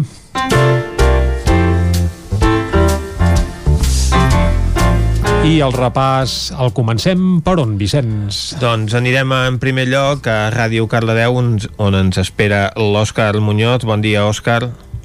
Bon dia. Com està el panorama cultural per aquests propers dies? Doncs el tenim bé, uh -huh. el tenim bé. Millor, millor. I comencem aquí a Cardedeu, amb una activitat doncs, que ja s'havia quedat suspesa la setmana passada, que era eh, la biblioteca a l'aire lliure, situada al patí de l'Escola de les Aigües, que vam dir, esperem que no plogui. Doncs es va anul·lar a últim moment, doncs per previsió meteorològica, així que aquest divendres eh, es farà, tornarà a fer, no, es farà a a dos quarts de cinc de la tarda, això. Si no plou, engranats perquè... Exacte, tam, Atenció, també eh? hi ha previsió de pluja. Sí, sí, en Pep Acosta ja ens ha dit que de cara al cap de setmana hi torna a haver moviment. Però vaja, uh, sí, ja, ja ens hi trobarem. Exacte, a veure què passa. Sí. Ara anem a dissabte a dos quarts de sis de la tarda i diumenge a les 8 del matí ens proposen dues activitats per conèixer els ocells de Cardedeu. Uh -huh. Una dissabte per la tarda, eh, on aprendrem a dibuixar-los, i l'altra diumenge pel matí amb una sortida eh, per la natura per observar i escoltar-los. La sortida serà des del museu i cal fer una, una reserva prèvia ja que l'aforament és il·limitat, amb un preu general de 5 euros amb aquesta excursió de diumenge al matí. Molt bé, doncs aforament També- limitat en aquesta Sí, limitat, excursió limitat. per anar a veure ocells al voltant de Cardedeu. Sí. Més coses. Dissabte a les 8 del vespre eh, teníem l'obra Magú de, de l'Aina Lanes, però queda, tenen les entrades exaurides. La Magu doncs, ens portava la feminitat a l'escenari a través de la figura de sis dones lliures i empoderades a la recerca de la seva pròpia identitat en el col·lectiu, en el moviment i en el seu ritual. Però, com hem comentat, doncs, tenim les entrades exaurides des de ja fa una setmaneta, més o menys, uh -huh. així que doncs, qui tingui les entrades ho podrà anar a gaudir i qui no, doncs ja no pot. I acabem aquí a Cardedeu, diumenge a les 6 de la tarda. Tenim a Dark Castanets, el quartet de Castanyoles, Castanets Barcelona, aquí sí que tenim entrades. I això ens presentaran un projecte totalment innovador que vol apropar les castanyoles a tot tipus de públic. I això ens presentaran ens ho presenten amb un aire més actual i modern però sense deixar enrere els grans clàssics on podem escoltar des de les quatre estacions de Vivaldi fins a les bandes sonores de Missió Impossible, Pirates al Carib o Star Wars. Tot això amb castanyoles. Tot això amb castanyoles. Carai, pot ser interessant Exacte. això, amb, eh? amb un quartet de castanyoles, doncs, a veure com s'ho fan. Sí, sí. I a sobre les castanyoles tenen llums leds eh, en elles i això farà que sigui un espectacle doncs, molt més visual. Uh -huh. Podem trobar això, les entrades des de 8 euros al Teatre Auditori de Cardedeu. Doncs castanyoles d'última generació a Cardedeu. De Cardedeu ara ens anem a Granollers on torna, tenim, destaquem dues activitats Uh -huh. i on torna el microteatre La Roca Humbert. Això serà divendres a les 7 del vespre i ho tenen molt ben muntat ja que són quatre obres en quatre espais diferents de, això de la Roca Humbert uh -huh. i cada dia doncs, es, es podran veure les quatre obres seguides de microteatre. Eh, S'han organitzat quatre grups doncs, això per evitar les, eh, les aglomeracions de gent i que estiguin doncs, ben, divi ben dividit. Podem trobar les entrades des de 12 euros doncs, per veure aquests quatre petites obres de microteatre. I eh, com és ja habitual, divendres a les 8 del vespre tenim jazz, tenim a l'Alba Careta Group, l'Alba Careta, que amb només 25 anys presenta Alades, que és el seu segon disc com a líder de, del grup. Uh -huh. Dos anys després de d'irrompre amb força l'escena jazzística, no, sol, no tan sols catalana, sinó també amb, amb, amb l'àmbit europeu, amb Orígens, que va ser el seu primer àlbum, i doncs, va ser un àlbum doncs, molt elevat pel públic i per la crítica que li va valer això, el Premi Under Rock 2018 al millor àlbum de jazz. I la tenim doncs, dintre d'això del 31è Festival de Jazz de Granollers. Molt bé. i ara ens anem per acabar aquí a, a Llines del Vallès on tenim dues activitats per diumenge a les 12 del migdia.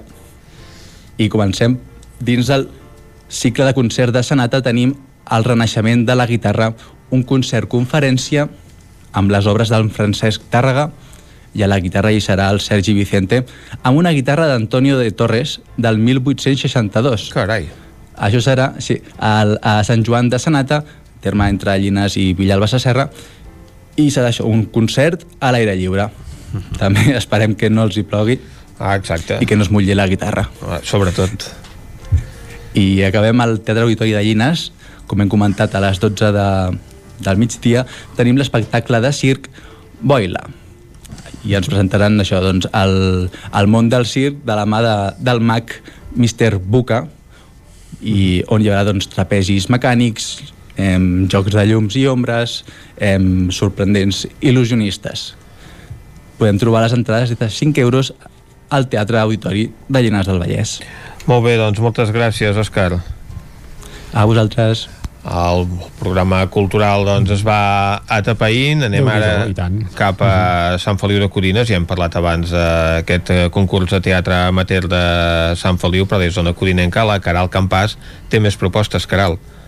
Sí, tinc més propostes, però precisament començo parlant-vos d'aquesta 38a edició del concurs de, te de teatre amateur, perdó, 39a, la següent serà la quarantena, i és que aquest diumenge, eh, de 6 a 8, doncs hi ha una nova obra teatral en el marc d'aquest concurs. En aquest cas, eh, porten la divertida comèdia La taverna dels còmics, des del grup de teatre del Tailón de Lleida, i això serà, com deia, diumenge a les 6 de de la tarda al Casal Cultural Codinenc i al web de l'Ajuntament es pot trobar el link de la venda d'entrades. I me'n vaig cap a Vigues i Riells, on tenim una nova edició del cicle Gaudí. En aquest cas es projecta la comèdia sentimental del director Cesc Gai. Això serà aquest divendres a les 8 del vespre al Teatre Auditori Polivalent, com sempre, i es, es projecta doncs, aquesta comèdia que també es projecta en el cicle Gaudí, en el marc del cicle Gaudí, com és habitual a Santa Maria d'Oló, a l'Espai Amalosa, en uh -huh. aquest cas és diumenge a les 6 de la tarda.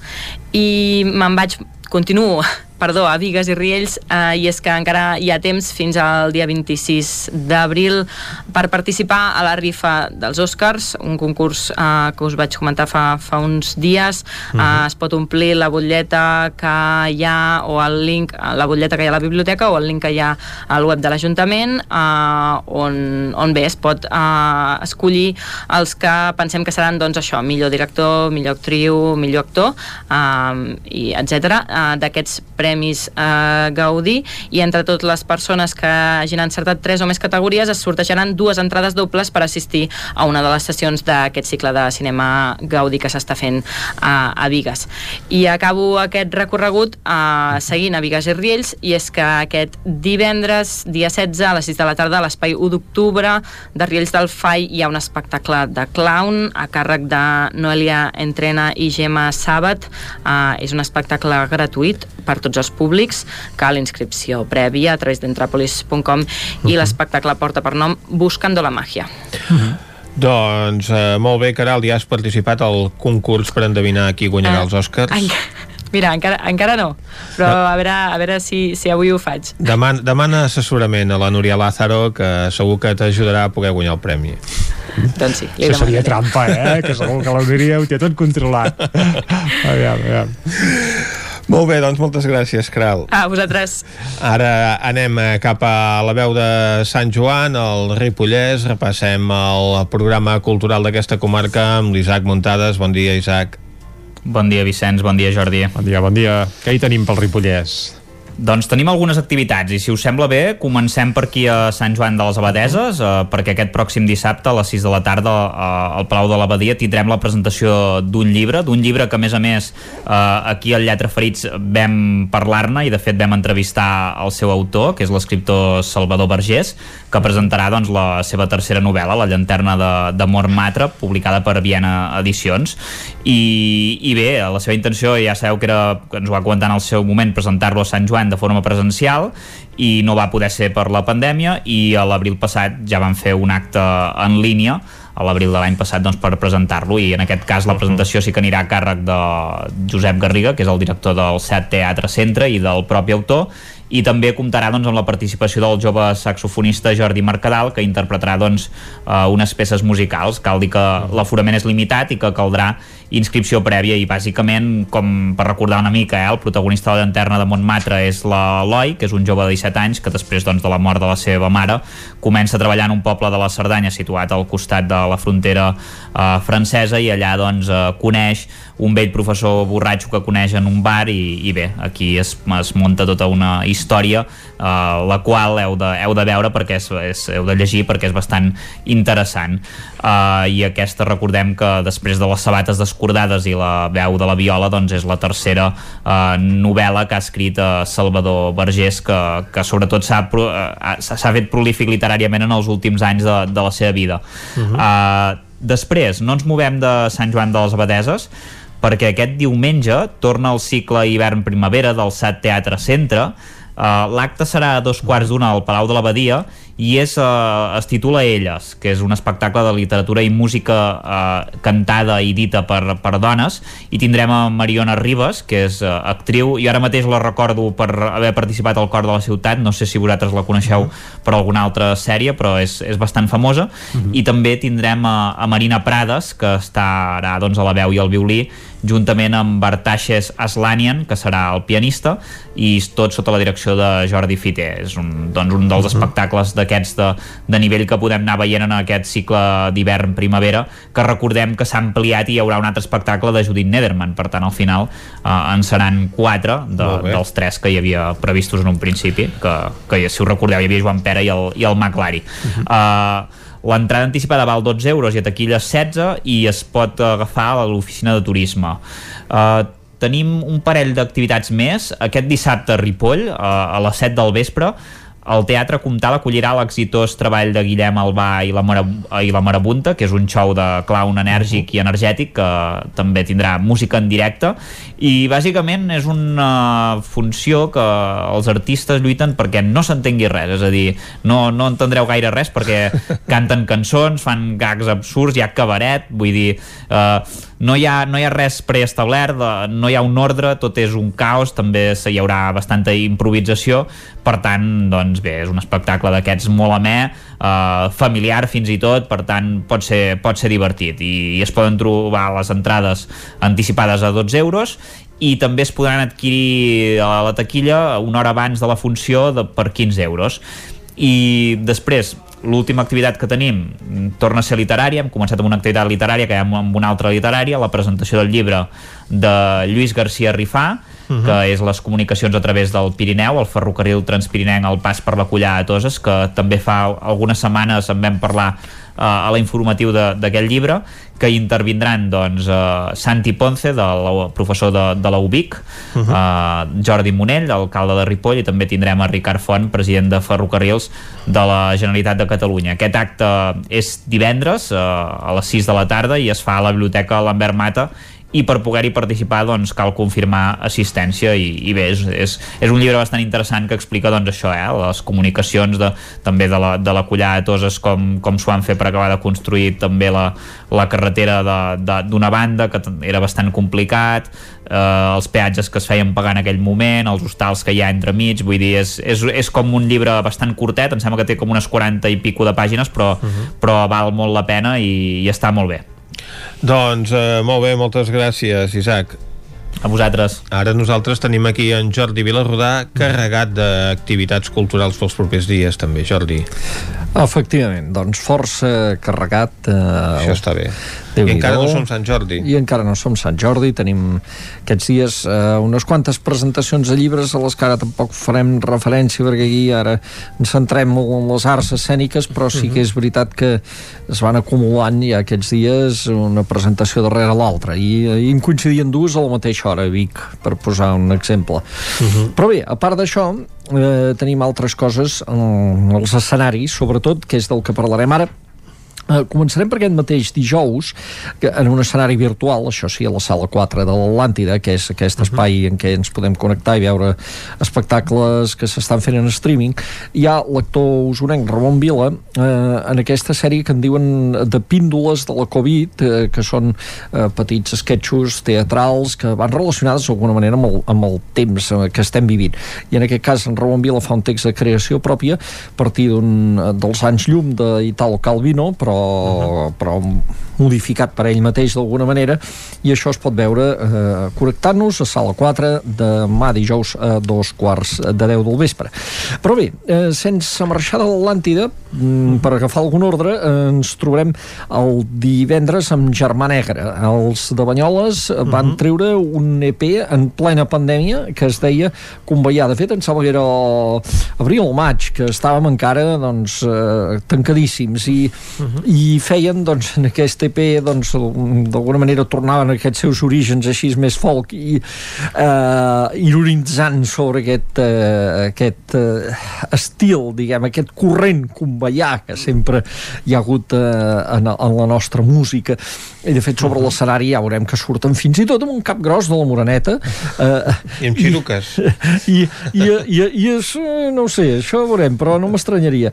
Eh, i, i amb temes propis i també amb algun altre, per exemple, tenen Aviam si és conveiar no o no sé, és no sé si és aquest Bé. el que, el que sentirem ara. Eh? No, aquest és la botifarra. Ah, la Tot és botifarra. desenfadat, Aquest és és que en tenen molts, sí, algunes adaptacions Sí, de temes sí, sí. populars, algun propi, però la veritat Sí. és que és molt aconsellable i és una llàstima que pleguin veles Sí, perquè sí, serà el sí. seu darrer concert. Això és, eh, anàvem a dir-ho ara doncs, que també és la, segurament la darrera ocasió per veure'ls a Osona també, no? I, i tenen ara doncs, en aquest disc una versió divertida del, del, del Take Me Home Country Road, eh, aquella del John Denver, eh, que, eh, que han fet una versió que es diu Camí Ral, que per tant és... És més nostrat. Country Road, Camí Ral. uh, aquí, aquí el Germà Negre, doncs eh, divendres a les 8 del vespre a l'Atlàntida. I el dissabte a la mateixa hora i també a l'Atlàntida uh, un que ja clàssic del teatre català. Uh, hi ha obres que són un èxit, a vegades sense que algú s'ho proposi, i una d'elles, segurament a, a l'epítom, la que més del teatre català contemporani és el mètode Gronholm. Quan en Galzeran va fer aquesta obra, en Jordi Galzeran no, segurament no s'imaginava i el petaria de la manera que, que ho va petar amb reposicions amb, en fi, i tots recordem la versió que hi teníem el nostre Lluís Soler, a més a més el Jordi Buixaderes, la Roser Batalla, el Jordi Díaz aquesta que la- l'hem vista que ja va fer, es va fer pel·lícula i tot. Però ara torna, torna amb una versió nova on hi ha l'Enric Cambrai, en Marc Rodríguez la Mar Molins i en David Verdaguer que són els quatre que es presenten en aquest procés de selecció és que de fet la, la, segurament recupera, es recupera aquesta obra ara, que és del 2003 perquè moltes coses no han caducat i aquests mètodes de selecció de les empreses de selecció de personal eh, es continuen assemblant bastant als que ridiculitzava mm, d'alguna manera de, en, en, mm -hmm. en Galceran en el mètode Gronholm una ocasió doncs per recuperar-la eh, amb nous actors qui ja l'hagi vista segur que tornarà eh, a riure i qui no doncs serà l'ocasió per descobrir aquí públic eh, de Millennial per sota que potser no han vist el mètode Gronholm eh, aneu a recuperar-lo a l'Atlàntida aquest dissabte a les 8 del vespre. Més coses que tenim a Manlleu, continua la Primavera Encantada, que té moltes activitats. Per exemple, el dissabte es pot veure al Teatre Centre, que ara ja s'està fent servir, a les 6 de la tarda, Laica, que és l'espectacle de públic familiar de Xirriquiteu la Teatre, que va ser Premi BBVA de, de teatre, i que va sobre aquest, eh, aquesta gosseta que van enviar els russos a l'espai als anys 50 del segle passat i, i que evidentment no va tornar uh, Perquè no sabia pilotar no, exacte, uh, exacte. Home, un, ja, això hagués estat el súmum, ja, eh?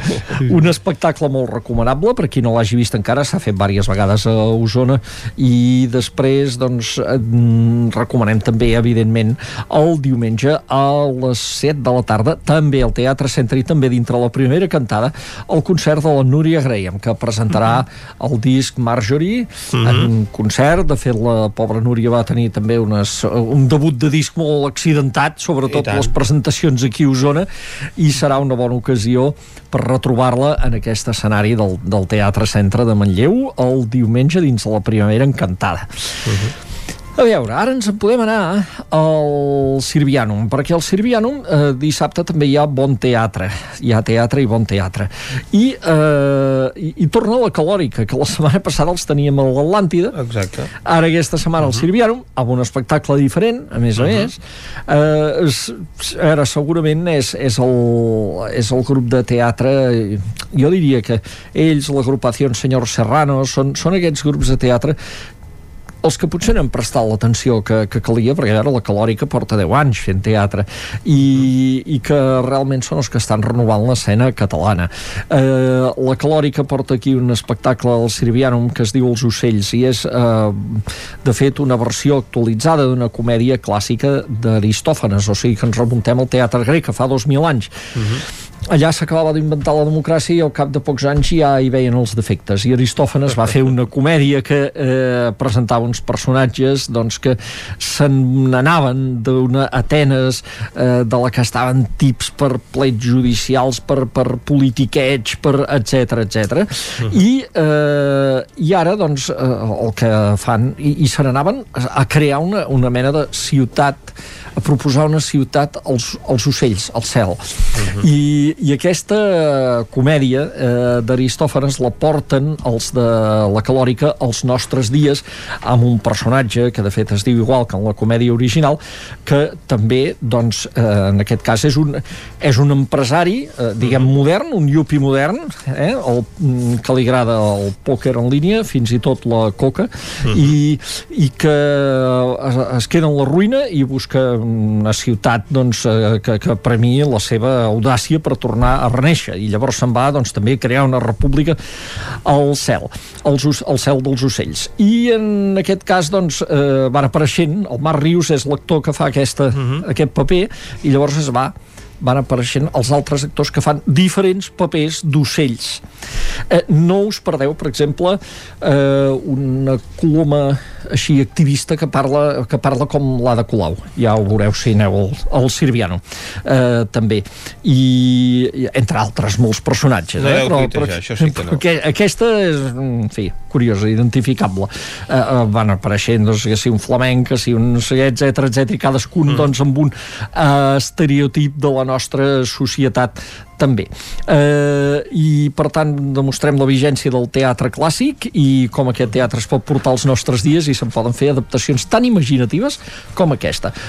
No perdem de vista també que continuen els concerts a l'embarcador del Ter i que mm -hmm. aquest cap de setmana hi tenim el dissabte Mar i el diumenge el guitarrista Edgar Vila amb Carles Martos i a Balanyà a Balanyà també diumenge a dos quarts de set de la tarda a l'Ateneu Brujas, un espectacle per públic familiar déu nhi com hi aneu que està ple ja doncs moltes gràcies Jordi tanquem aquí aquest repàs cultural del cap de setmana